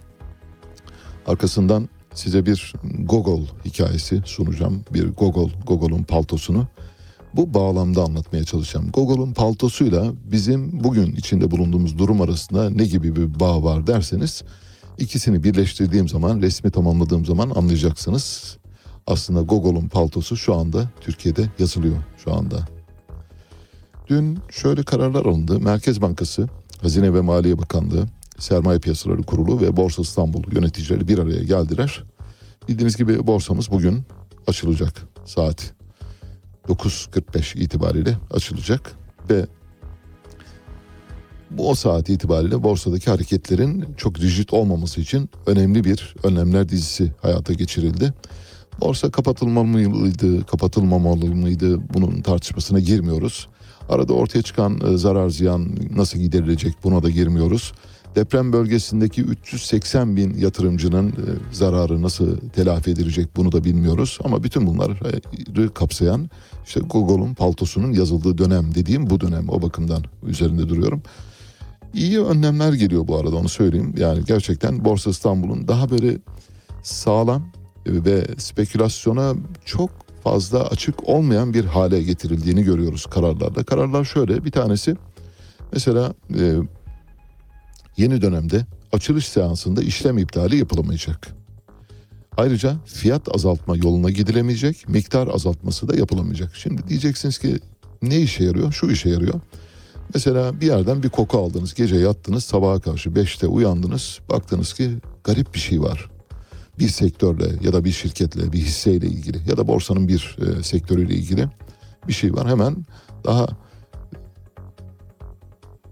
horozlar ötmeden, gün ışımadan tak diye tuşa dokunuyorsunuz ve işleminizi iptal ediyorsunuz. Şimdi diyor ki borsa yönetimi bundan böyle diyor açılış seansında işlem iptali yapamazsınız diyor. Nasıl? Şahane bence mükemmel. Mükemmel ötesi. Sadece işlem iptali değil aynı zamanda fiyat azaltma ve miktar azaltma da yapamazsınız diyor. Dolayısıyla açılış seansını güvenceli hale getiriyor. Bu bir. İki, Varlık Fonu bünyesinde biliyorsunuz Varlık Fonu'nun başkanı Cumhurbaşkanı Varlık Fonu bünyesinde bir fon oluşturuldu. Bu fona kamu bankaları ve şirketler katılacaklar. Oraya para yatıracaklar. Bu fon gerekli gördüğü durumlarda Borsa İstanbul'a girerek alım yapacak. Yani bir oyuncu gibi büyük bir oyuncu olarak girip işlem yapacak. Bu da diyelim ki açılış seansını kurtardınız. Açılış seansından sonra gelen seansta baktınız ki satışlar geldi ve borsa aşağı doğru gidiyor. Hemen pat ne olacak? Varlık fonu devreye girecek, hisse alımı yapacak ve ayakta tutmaya çalışacak. Bu da önemli. Diyelim ki bu da yaramadı işe. Şimdi üçüncü bir emniyet kemeri getirdiler. Bu da yaramadı. Bu durumda da şöyle bir kolaylık getirildi. Şirketlere yani borsaya kote şirketlere denildi ki bundan böyle hisse alımı yapacağınız zaman genel kurul onayı, yönetim kurulu onayı, falancanın onayı, filancanın onayı gibi şeylere bakmadan tek bir kişinin onayıyla yetkili tek bir kişinin onayıyla hisse alımı yapabilirsiniz. Bu şu anlama geliyor. Örneğin filanca A Holding'in CFO'su bu işlere CFO'lar bakıyor biliyorsunuz. Yani kardan zarardan onlar sorumlu. Başarılı olursa o büyük payı alıyor çünkü CEO alıyor sonradan e, CFO alıyor. CFO diyecek ki ben hisse alımı için karar verdim. Tek başına karar verebilecek. Böyle hani genel kurulu toplayalım. Yönetim kurulu karar versin. Yönetim kurulu nerede abi? Vallahi hepsi tatile çıktı abi. Yani ulaşamıyoruz. Ulaşabiliyor musun? Semiramis e, yavrum aradın mı? Yok ulaşamıyorum falan gibi şeyler olmayacak. Dolayısıyla CFO devreye girecek ve hisse alımı yapacak. Bu da üçüncü emniyet kemeri. Dolayısıyla bu üç emniyet kemeri sayesinde Borsa İstanbul'un yeni dönemde çok daha sağlıklı bir işleyişe kavuşacağını tahmin ediyorum. Bir eksik bırakmışlar. Onu da buradan söyleyeyim. Borsa İstanbul yönetimine hani buradan maruzatımız olsun diye. Bir de açığa satışı yasaklarsanız tam olur. O zaman böyle kaymaklı ekmek kadayıfına dönüşebilir. Diyeceksiniz ki peki bütün bu önlemler doğal mı? Tabii ki değil. Ama içinde bulunduğumuz dönem doğal mı? Elbette değil. 10 ili kapsayan 13 milyon insanımızı etkisi altına alan tarihin en büyük, insanlık tarihinin gördüğü en büyük depremlerden birini yaşıyoruz. Olağan dışı bir dönemdeyiz. Dolayısıyla bu olağan dışı dönem geçinceye kadar bu önlemler hayata geçirilebilir. Eğer şu aldığınız üç önlem yani açılış seansında emir iptali, varlık fonunun hisse alımı ve yönetim kurulu onayı olmaksızın şirketlerin hisse alımı gibi üç emniyet kemerinden eğer sonuç elde etmek istiyorsanız mutlak surette açığa satış işlemlerini de geçici olarak yasaklamanız lazım. Bunu yaptığınız zaman işler yoluna girebilir. Bir şey daha var. Onu da söyleyeyim içimde kalmasın. Bir dördüncü. Bir de algoritmaları geçici olarak yasaklayınız. Algoritma ne? Makine. Makine sizden önce davranıyor. Makinenin davranma hızını insanın davranma hızıyla kıyaslayacağım şimdi. Mesela bir tuşa dokunacaksınız ve bir e, alım yapacaksınız ya da satış yapacaksınız değil mi? Karar verdiniz. Tuşa dokunmanızla e, tuşun harekete geçmesi ve emrin gitmesi arasında en hızlı düşündüğünüz durumda bile birkaç saniye vardır. Yani 2-3 saniye. Algoritma bu işi ne kadar zamanda yapıyor biliyor musun? Saliselerle yapıyor. Salise. Böyle 10 salise, 20 salise de şak yapıyor. Dolayısıyla sizin hızınız falan hiç yani. işte bu ne hızı gibi? uzaylıların bize gelme hızı kadar önemli bir hız. Yani bizim hızımızla onların bize gelme hızı arasındaki Stephen Hawking'in kulaklarını çınlatmış olalım. Daha doğrusu ruhuna gönderelim. Dolayısıyla eğer algoritmalar da geçici bir süre yasaklanırsa Borsa İstanbul'da spekülasyonların önlenmesi söz konusu olabilir. Hazır mıyız? Hazırsak size bir Nikolay Gogol çalışması sunacağım. Gogol'un paltosunun yazıldığı ortamdayız. Tam, tam tamına. Gogol bildiğiniz gibi 1800'lü yılların ortasında yaşadı ve Rus edebiyatının romancılığının babası sayılıyor. Hepimiz Gogol'un paltosundan çıktık derler Rus yazarlar. Çünkü hakikaten Gogol'un paltosu ufacık minnacık bir kitap. Şu anda da elimde getirdim bugün tekrar. Bu kitabı size özetleyeceğim tekrar. Hani defalarca okusanız doyamazsınız öyle bir kitap. O kadar dramatik, o kadar trajik bir hikayesi var. Şimdi Gogol'un Palto'yu yazdığı dönemde Rus çarlığında birinci Nikolay var. Saltanatta, tahta Nikolay oturuyor. Birinci Nikolay biraz böyle tutucu, hatta ve hatta arkaik sayılabilecek ilkel, primitif değerlerden beslenmiş bir hükümdar. Bulunduğu dönem 30 yıl iktidarda kalıyor, tahta kalıyor. Bu 30 yıl Rusya'nın, Rus çağlığının duraklama dönemidir. Osmanlı'nın duraklama dönemiyle kıyasladığınızda Osmanlı'nın duraklama dönemi daha uzun sürmüştür. Yani neredeyse bir yüzyıl sürmüştür. Rusya bu dönemi böyle hep kahırla hatırlar. Ah Nikolay derler.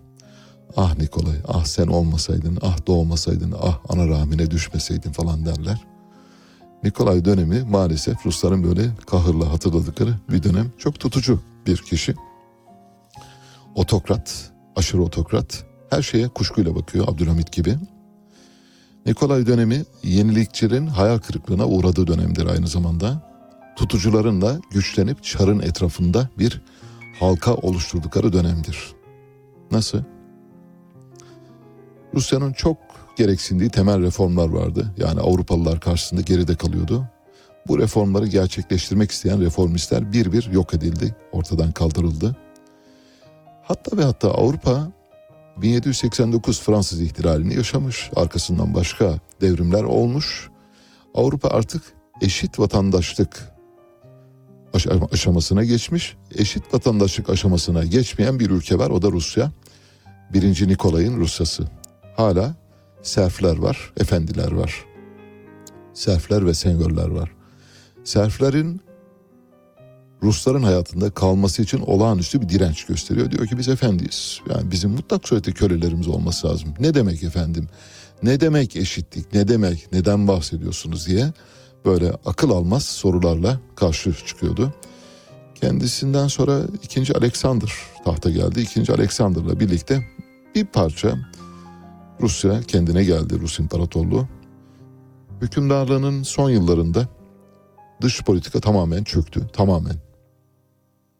Osmanlı Devleti ile bir Kırım Savaşı'na girdi. Kırım Savaşı'nı kaybetti. Hoş gerçi Kırım Savaşı'nda Osmanlı'nın yanında diğer devletler vardı. O yüzden yani biz Kırım Savaşı'nı hani böyle cevvaliyetimizle kazanmış olabiliriz ama Avrupalılar yardımcı olmasaydı Kırım Savaşı'nda yenilebilirdik. Fakat işte şansımız Nikolay e, orada olduğu için Nikolay'ın o baskıcı istibdat yönetimi e, Nikolay'ın yenilmesini kolaylaştırdı. Çünkü etrafında akıl danışa insan kalmamıştı. Resmi kayıtlara göre savaşın kötü gittiği bir anda yakalandığı soğuk algınlığının zatürreye dönmesi sonucu öldüğü iddia ediliyor. Bu bir kaynaktan. Bir başka kaynaktan baktım ben. O kaynakta da ölmeden önce bir resmi geçit yapılıyor. Bir tören yapılıyor. Ordusu önünden geçiyor böyle haşmetli bir imparator. Ordusunu ayakta ve çıplak olarak yani sadece ayağında bir don ile selamlıyor Aralık ayında. Nasıl? Bildiğiniz deli.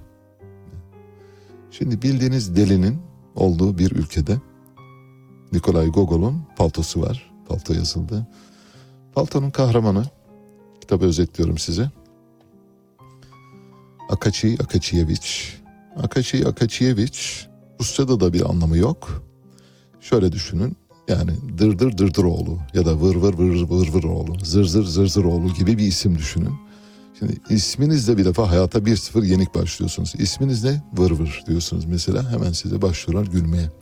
İsmi öyle. Yani bir tekerlemenin sonucu. Akaçi Akaçiyeviç. Akaçi Akaçiyeviç bir tapu memuru, nüfus kayıt memuru aynı zamanda. Bir orta kademe memur. Fakat çok böyle low profile gidiyor. Çok düşük profil. İş yerine girdiği çıktığı bile belli olmuyor. Herkes onun işini çok iyi yaptığını düşünüyor. Çok iyi el yazması var. Yani büyük bir hat sanatçısı. Çok düzgün harflerle yazıyor.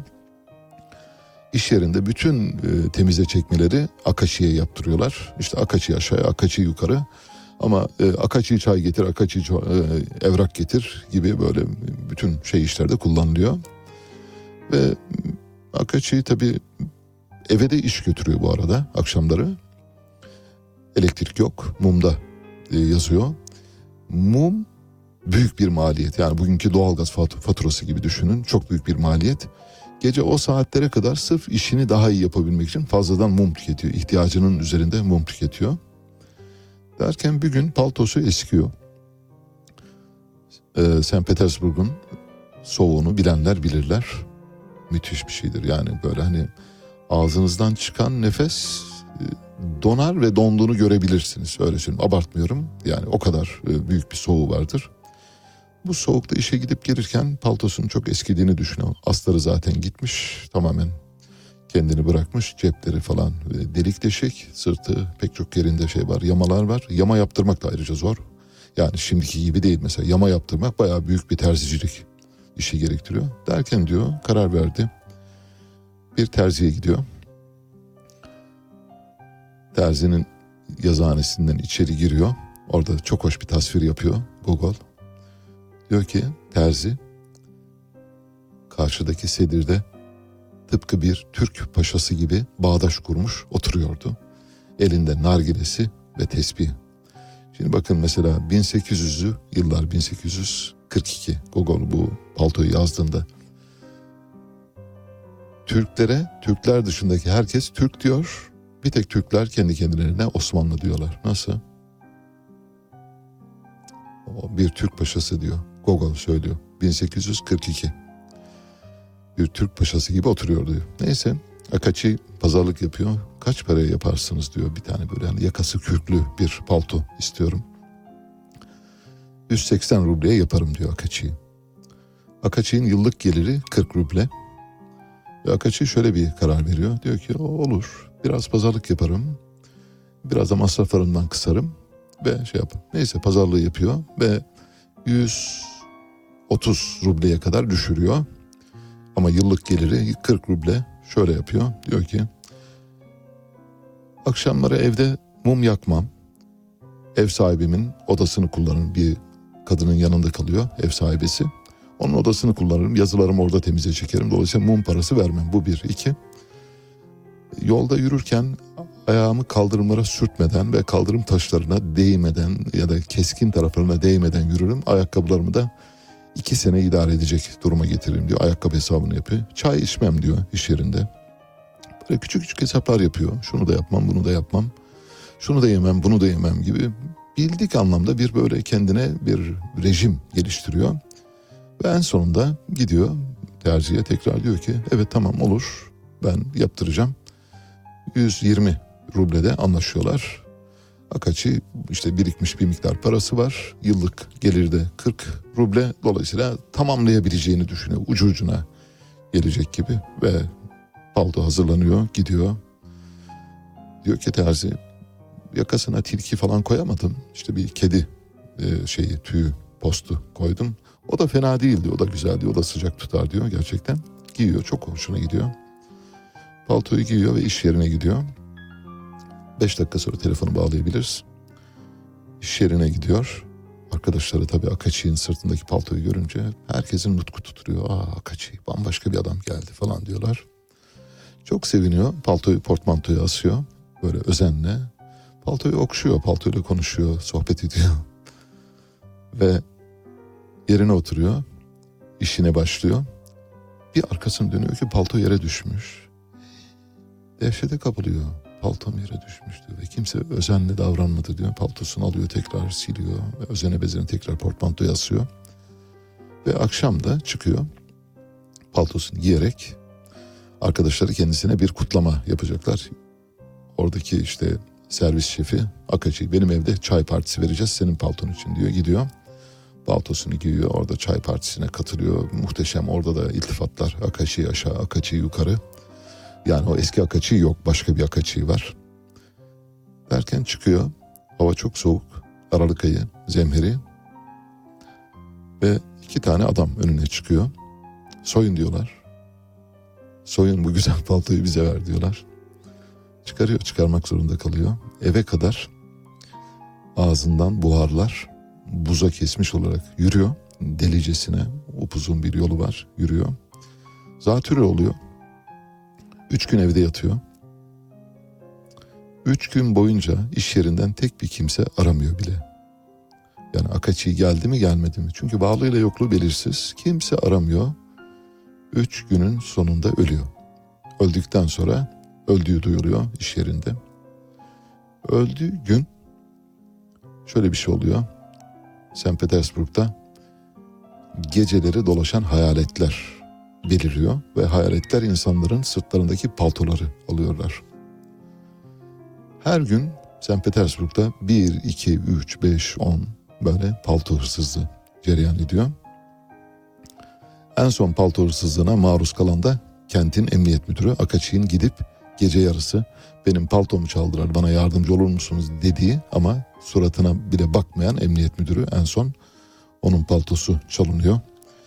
Ve o palto çalındıktan sonra emniyet müdürü tabii bu arada çıldırıyor ve arkasından palto hırsızlıkları ve hayalet de bitiyor. O günden sonra bir daha kimse palto hırsızlığı duymuyor ve palto hayaletleri de artık yaşanmıyor.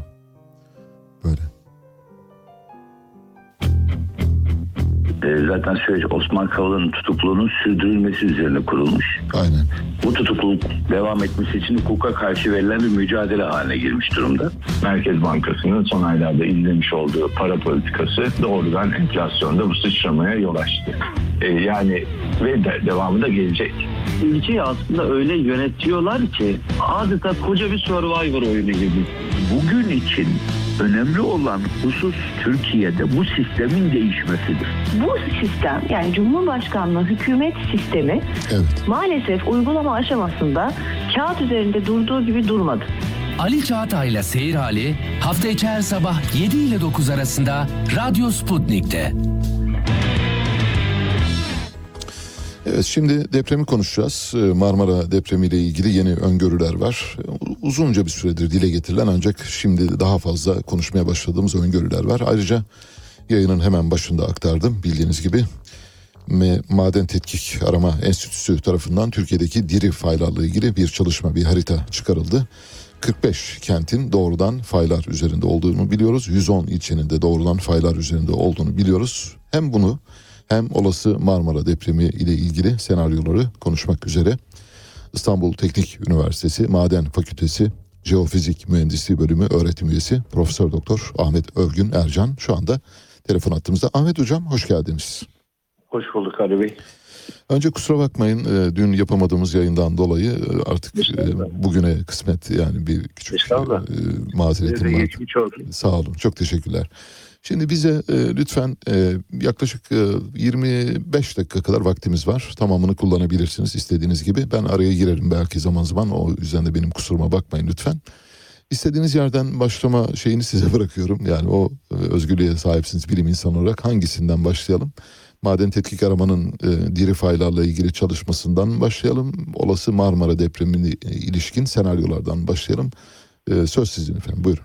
İkisi de doğru. Şimdi Evet. Bir defa Maden Tetkik Arama Enstitüsü'nün bu saygıdeğer çalışması için kendilerini kutluyorum. Yıllara yayılan bir çalışma bu. Evet. Şimdi e, kırıklar e, genellikle üç türlü kırık vardır. bu kırıkların bir tanesi diri kırıklar. Diri kırık demek için o kırığın en az 1 milyon yıl içinde bir deprem üretmiş olması gerekiyor. 1 milyon yıl evet. 1 milyon yıl içinde eğer deprem üretmişse biz onu diri kırık diyoruz. Evet. Ee, bir de ölü kırıklar var. ölü kırıklar ise çok yaşlı olan kırıklar ve bunlar deprem üretemezler. Depremcik üretirler. Depremcikler dörtten daha küçük olan e, sarsıntıları biz depremcik deriz. Evet. İşte kağıthanede e, geçenlerde olan 3 onda ikilik sarsıntı bir depremciktir. Öyle yani mi? bir Ha, ölü, güzel. ölü Bu, kırık, bu sayede bunu da öğrenmiş olduk. Peki. ölü kırık üzerinde oluşmuştur. Bunlar büyük deprem üretmezler. Biraz fazla abartıldı o olay. E, şimdi İstanbul'un her yerinde kırık vardır. Evet. Ve yani bunlar kırıktır ama ölüdür. Evet. Yani deprem üretmez. Onun için bir kırığı görüp de buradan kırık geçiyormuş. Burada büyük bir deprem olabilir demek doğru bir olay değildir. Evet. Yani bebeğe gittiğiniz zaman akıntı burnunun olduğu yerde bir yarıntı vardır. O yarıntıda çok büyük bir kırık gözükmektedir. Ha bu bir kırıktır ama ölü kırıktır. Yani her kırık deprem üretmez. Evet. Ee, özellikle e, Batı Anadolu'nun bulunduğu kesimde aslında bütün Anadolu Ana- Anadolu'ya da yayılır bu olay. Kuzey e, batı kuzey doğu doğrultusunda kırıklar vardır. Biz bunlara yaklaşık 15 milyon yıl yaşındaki kırıklardır bunlar. E, bunlar çok büyük deprem üretmezler. Yani üretebildikleri deprem 5,5-6 o kadar. Daha büyük deprem üretmezler. Yani yaşlı bir insanın 100 metreyi koşamaması gibi. Evet. E, çünkü sürekli olarak Anadolu'nun avkolanma ve üzerine gelen baskı yönleri e, süre içinde değişiyor. Yani üstünde yaşadığımız bu kabuk diri bir kabuk. Bulunduğu yerde durmuyor, bulunduğu biçimde de e, saklı kalmıyor. Sürekli biçim değiştiriyor, yoğruluyor, bir hamur gibi yoğruluyor. Bir de e, doğu batı doğrultulu kırıklar vardır ki ana kırıklar. Mesela Batı Anadolu'da Büyük Menderes, Gediz, Küçük Menderes, Bakırçay e, gibi kırıklar ve bunlar Bursa'ya kadar uzanırlar. E, bunlar diri kırıklardır. Bunlar miyosen sonrası kırıklar denir. 10 milyon yaşından daha genç kırıklardır bunlar. Evet. Ve bunlar büyük deprem üretirler. Aşağı yukarı üretebildikleri deprem büyükleri 7,5 7.10'da 3'e kadar çıkabilir. Bursa bunların kuzeydeki en ucudur. Yani diğer bir deyimle bunlar Marmara'nın, Güney Marmara'dan başlar. Ta Muğla'nın sonuna kadar inerler. Akdeniz'e kadar iner bu kırıklar. Evet.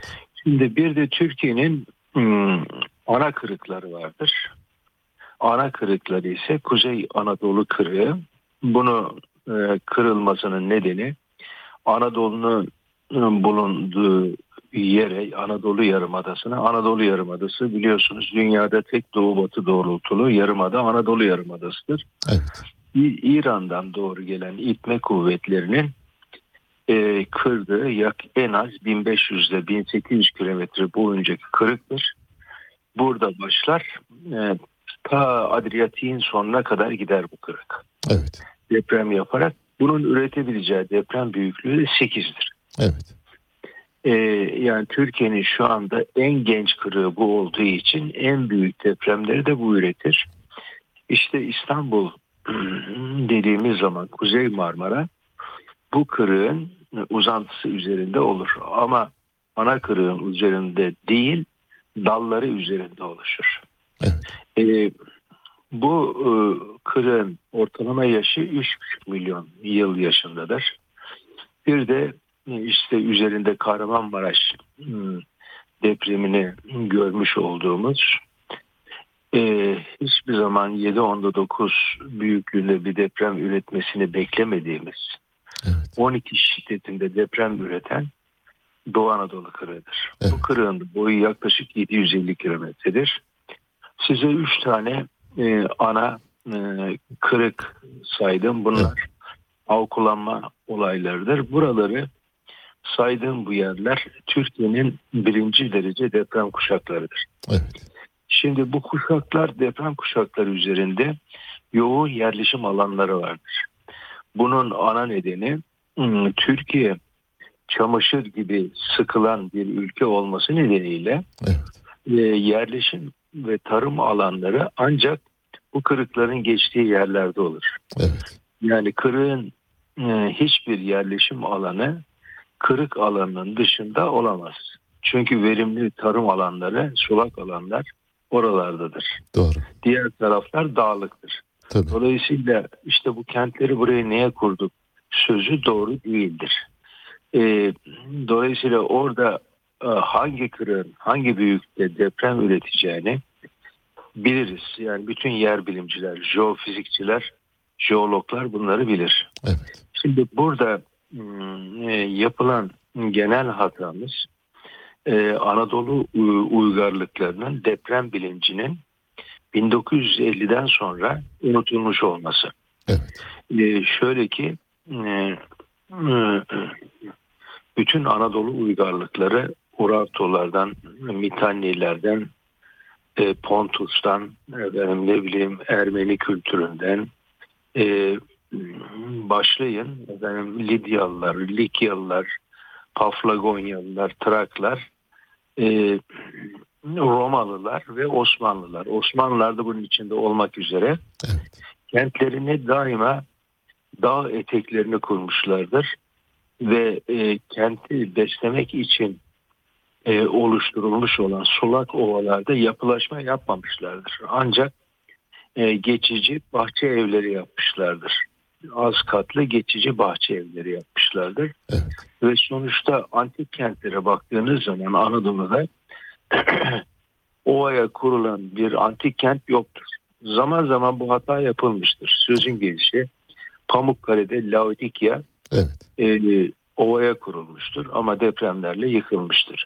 Yani onlar da yapmış oldukları hatalardan ders almışlar. Peki biz bugün için ne yapmamız gerekiyor? Bugün için e, bulunduğumuz kenti kırıktan uzaklaştırma olasılığımız yok. E, biz ona uyumlu olan e, kentleri önce yer seçimini yapacağız. Burada çok önemli bir nokta. E, kayalık yerlerde şimdi nüfus artışı Türkiye'de beklenmedik şekilde çığ gibi arttı. Bunu siyasi erk de güdüledi. Yani en az 3 çocuk yapın, çok çocuk yapın, parasını ben vereceğim olaylarıyla özellikle Doğu Anadolu'da ortalama nüfus yoğunluğu aile başına 8 kişi düşüyor. Batı Anadolu'ya geldiğiniz zaman yaklaşık bir buçuk kişiye düşüyor. Dolayısıyla e, çok çocuklu olan yerlerde eğitim ve geçim sıkıntısı başlıyor. Ve o zaman iç göç, iç göçle dengeleniyor bu. Orada doğanlar batıya göçüyorlar. E, şimdi dolayısıyla batı kentleri yoğunlaşıyor. E, bir kişinin m, kalkıp İstanbul'a göçmesinin Türkiye Cumhuriyeti'ne maliyeti 30 bin dolardır. Yatırım yapmanız gerekiyor. Yeni yapı alanları oluşturmanız gerekiyor.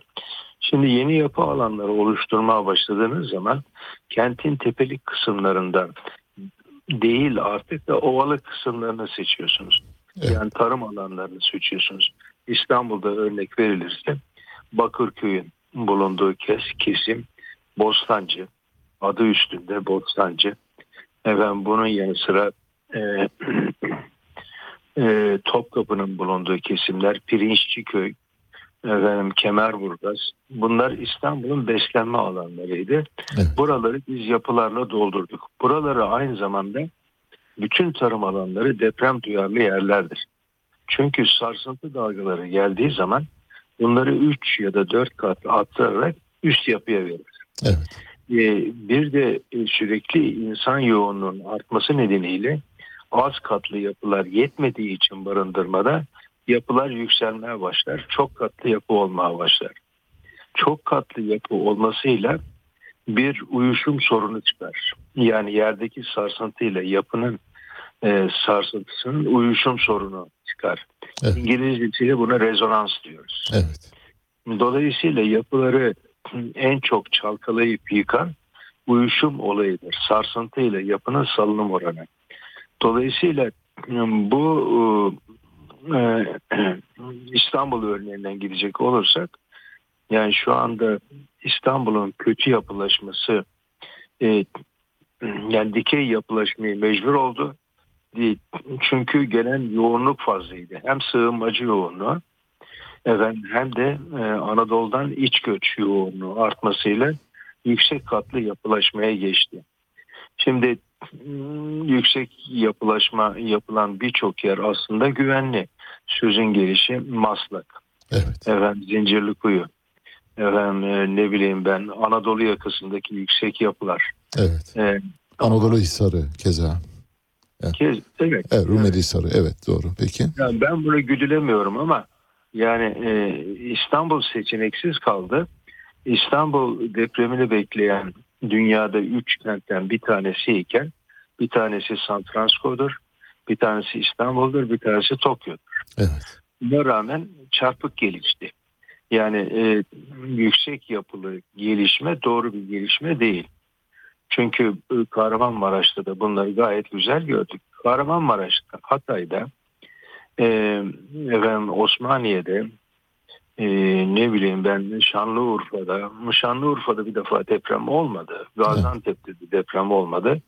Onlar sadece olan depremden etkilendiler.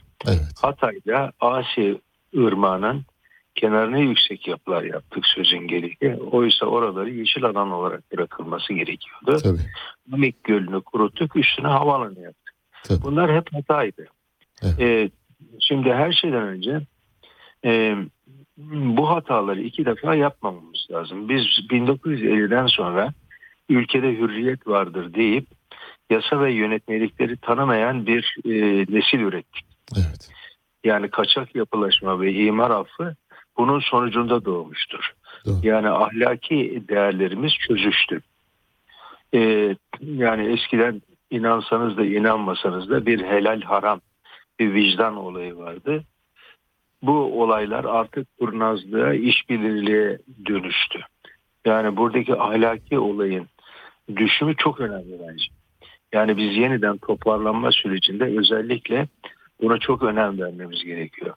Ahlaki olay da din dincilikle çözülmüyor. Yani bilimle, bilinçle, eğitimle çözülüyor. Şimdi, şimdi İstanbul üzerine geldiğimiz zaman İstanbul'da e, Anadolu yakası yapılaşmaya uygun. Çok sağlam. E, Avrupa yakasında ise yapılaşmaya uygun olmayan yerler var.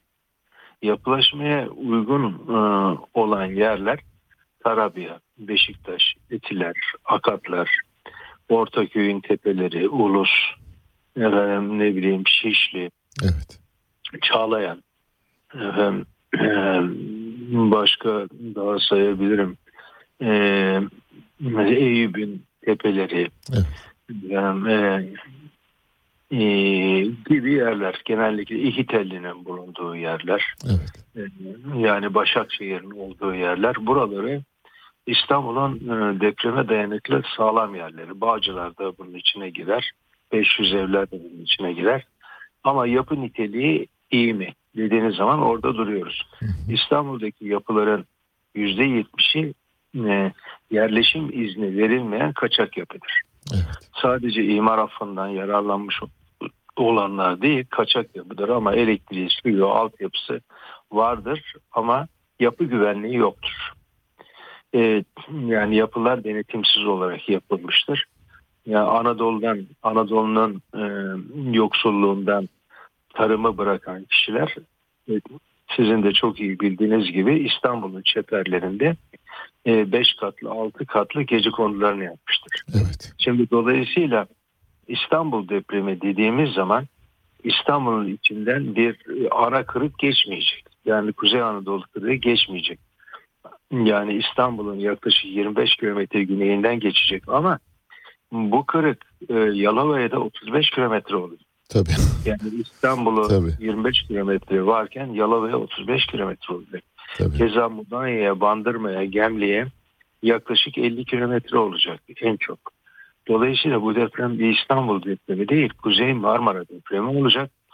Ve Karamürsel, efendim, e, Gölcük, e, Darıca bu depremden yine birinci derece etkilenecek yerler olacak avcılar. Ve en çok da avcılar.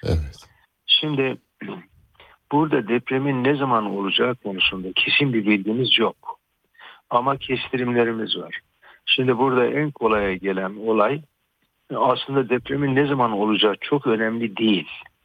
Ee, depremin e, beklenmesi çok önemli. Tabii. Şimdi eğer deprem bekleniyorsa biraz önce çarpık yapılaşmaya anlattım sizlere.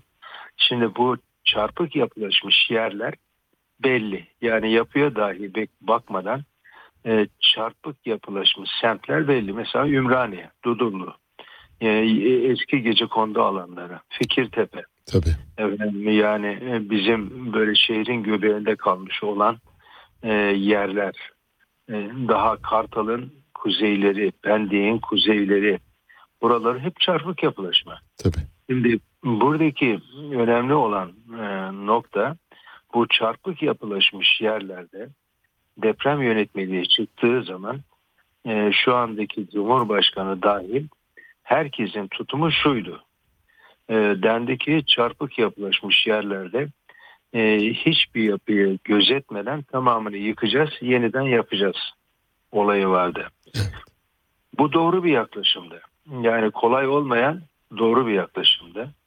Kendi ve e, Avrupa kentleri gibi geniş yollar olan, yeşil alanları fazla olan e, birim alana e, daha e, az düşecek, az insan düşecek ama yeşil alanı daha büyük olacak e, ve e, geçmiş kültürleri yansıtan mimarisiyle yapılar yapacağız dedik. Evet. Ama yapamadık buna. Şimdi bunu çok e, az yaptık ve insanları da sağlam yapıları yerleştirecek. Bunu yapamadık. E, İmamoğlu'nun da söylediği gibi yaklaşık bu işi yapmak için 25 milyar dolar gerekli. Bu para yok ben bunu nasıl yapayım dedi. Yani bayrağı aşağı indirdi. Evet. Şimdi örnek oldu bazı. Mesela küçük çekmecede efendim, Cumhuriyet Mahallesi'ni Kanarya'yı efendim, taşımak için e, Kaya e, Kayaköy denilen yere Evet. Kaya şehir diye bir şehir kuruldu. Evet, TOKİ. Bu gerçekten e, bu gerçekten çok sağlam bir yer. Yani depremde çok güzel bir yer. E, mesela ama bunlar yapılmışken e, Sefaköy, e, efendim Cumhuriyet Mahallesi Küçükçekmece'nin ya da Kanarya kesimi o yeni yapıları taşınmadı. Onlar yine bulunduğu yerde kaldılar. O zaman yeni yapılan yerlere kim göçtü? İstanbul'a yeni gelenler göçtü oralara. Veyahut çoğu ikinci konut olarak aldılar. O bölgeleri el değiştirdi. Başakşehir'i yaptılar.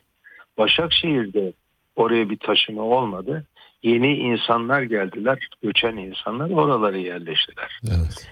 Şimdi dolayısıyla deprem çekinceli yerleri yıkmadık. Yani onları yeniden yıkmamız gerekiyordu. Tabii. Mesela Fikirtepe örneği. Fikirtepe e, Kadıköy'ün en sağlam yerlerinden bir tanesi. Orası bir gece kondu alanıydı hepimizin bildiği gibi. Evet. Ama orada ne yaptı? Gece kondulardan satın aldılar e, yapımcılar. Tabii. Satın aldılar. Onların eline 300 bin lira, 250 bin lira gibi para verdiler zamanında. Ve onları onlar da bu küçük parayla ancak İstanbul'un çeperlerinden başka ev Tabii. Evet. Aynen. Ve bunlar İstanbul'un merkezinden uzaklaştırılmış oldu. Bunlar yoksul ve dar gelirli kişilerdi. Fikirtepe'de oturanlar. Bunun yerine e, her bir dairesi 10 milyon 15 milyona satılan lüks e, gökdelenler yapıldı. Bu bir kentsel dönüşüm değil ve oradaki yoğunluk da çok arttırıldı. Bu bir kentsel dönüşüm değil, bu bir kentsel bozuşumdur.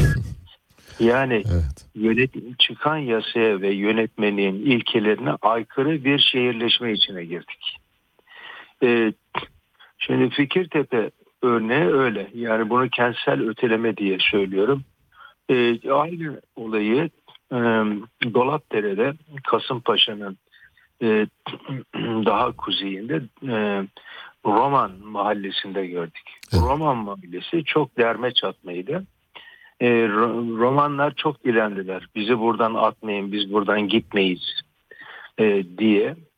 Romanlara ev yapılmadı. Romanların derme çat- çatma yapıları e, ellerinden para verilerek e, Alındı. alındı. Tabii. O- Ve onlar başka yere taşındı. Onların yerine lüks konutlar yaptılar. O lüks konutlar ise varlıklara ikinci, üçüncü konut olarak satıldı. Şimdi diğer bir deyimle Ali Bey kardeşim kentsel dönüşüm e, lafı kullanılarak çarpık İstanbul geliştirildi ve e, bankalar kandırıldı. Şimdi bankalardan e, bir de bu çarpık yapılaşmaları için kredi de aldılar. Yani bir sermaye birikimi de bankalardan düşük faizli olarak bunu kullan kullandılar.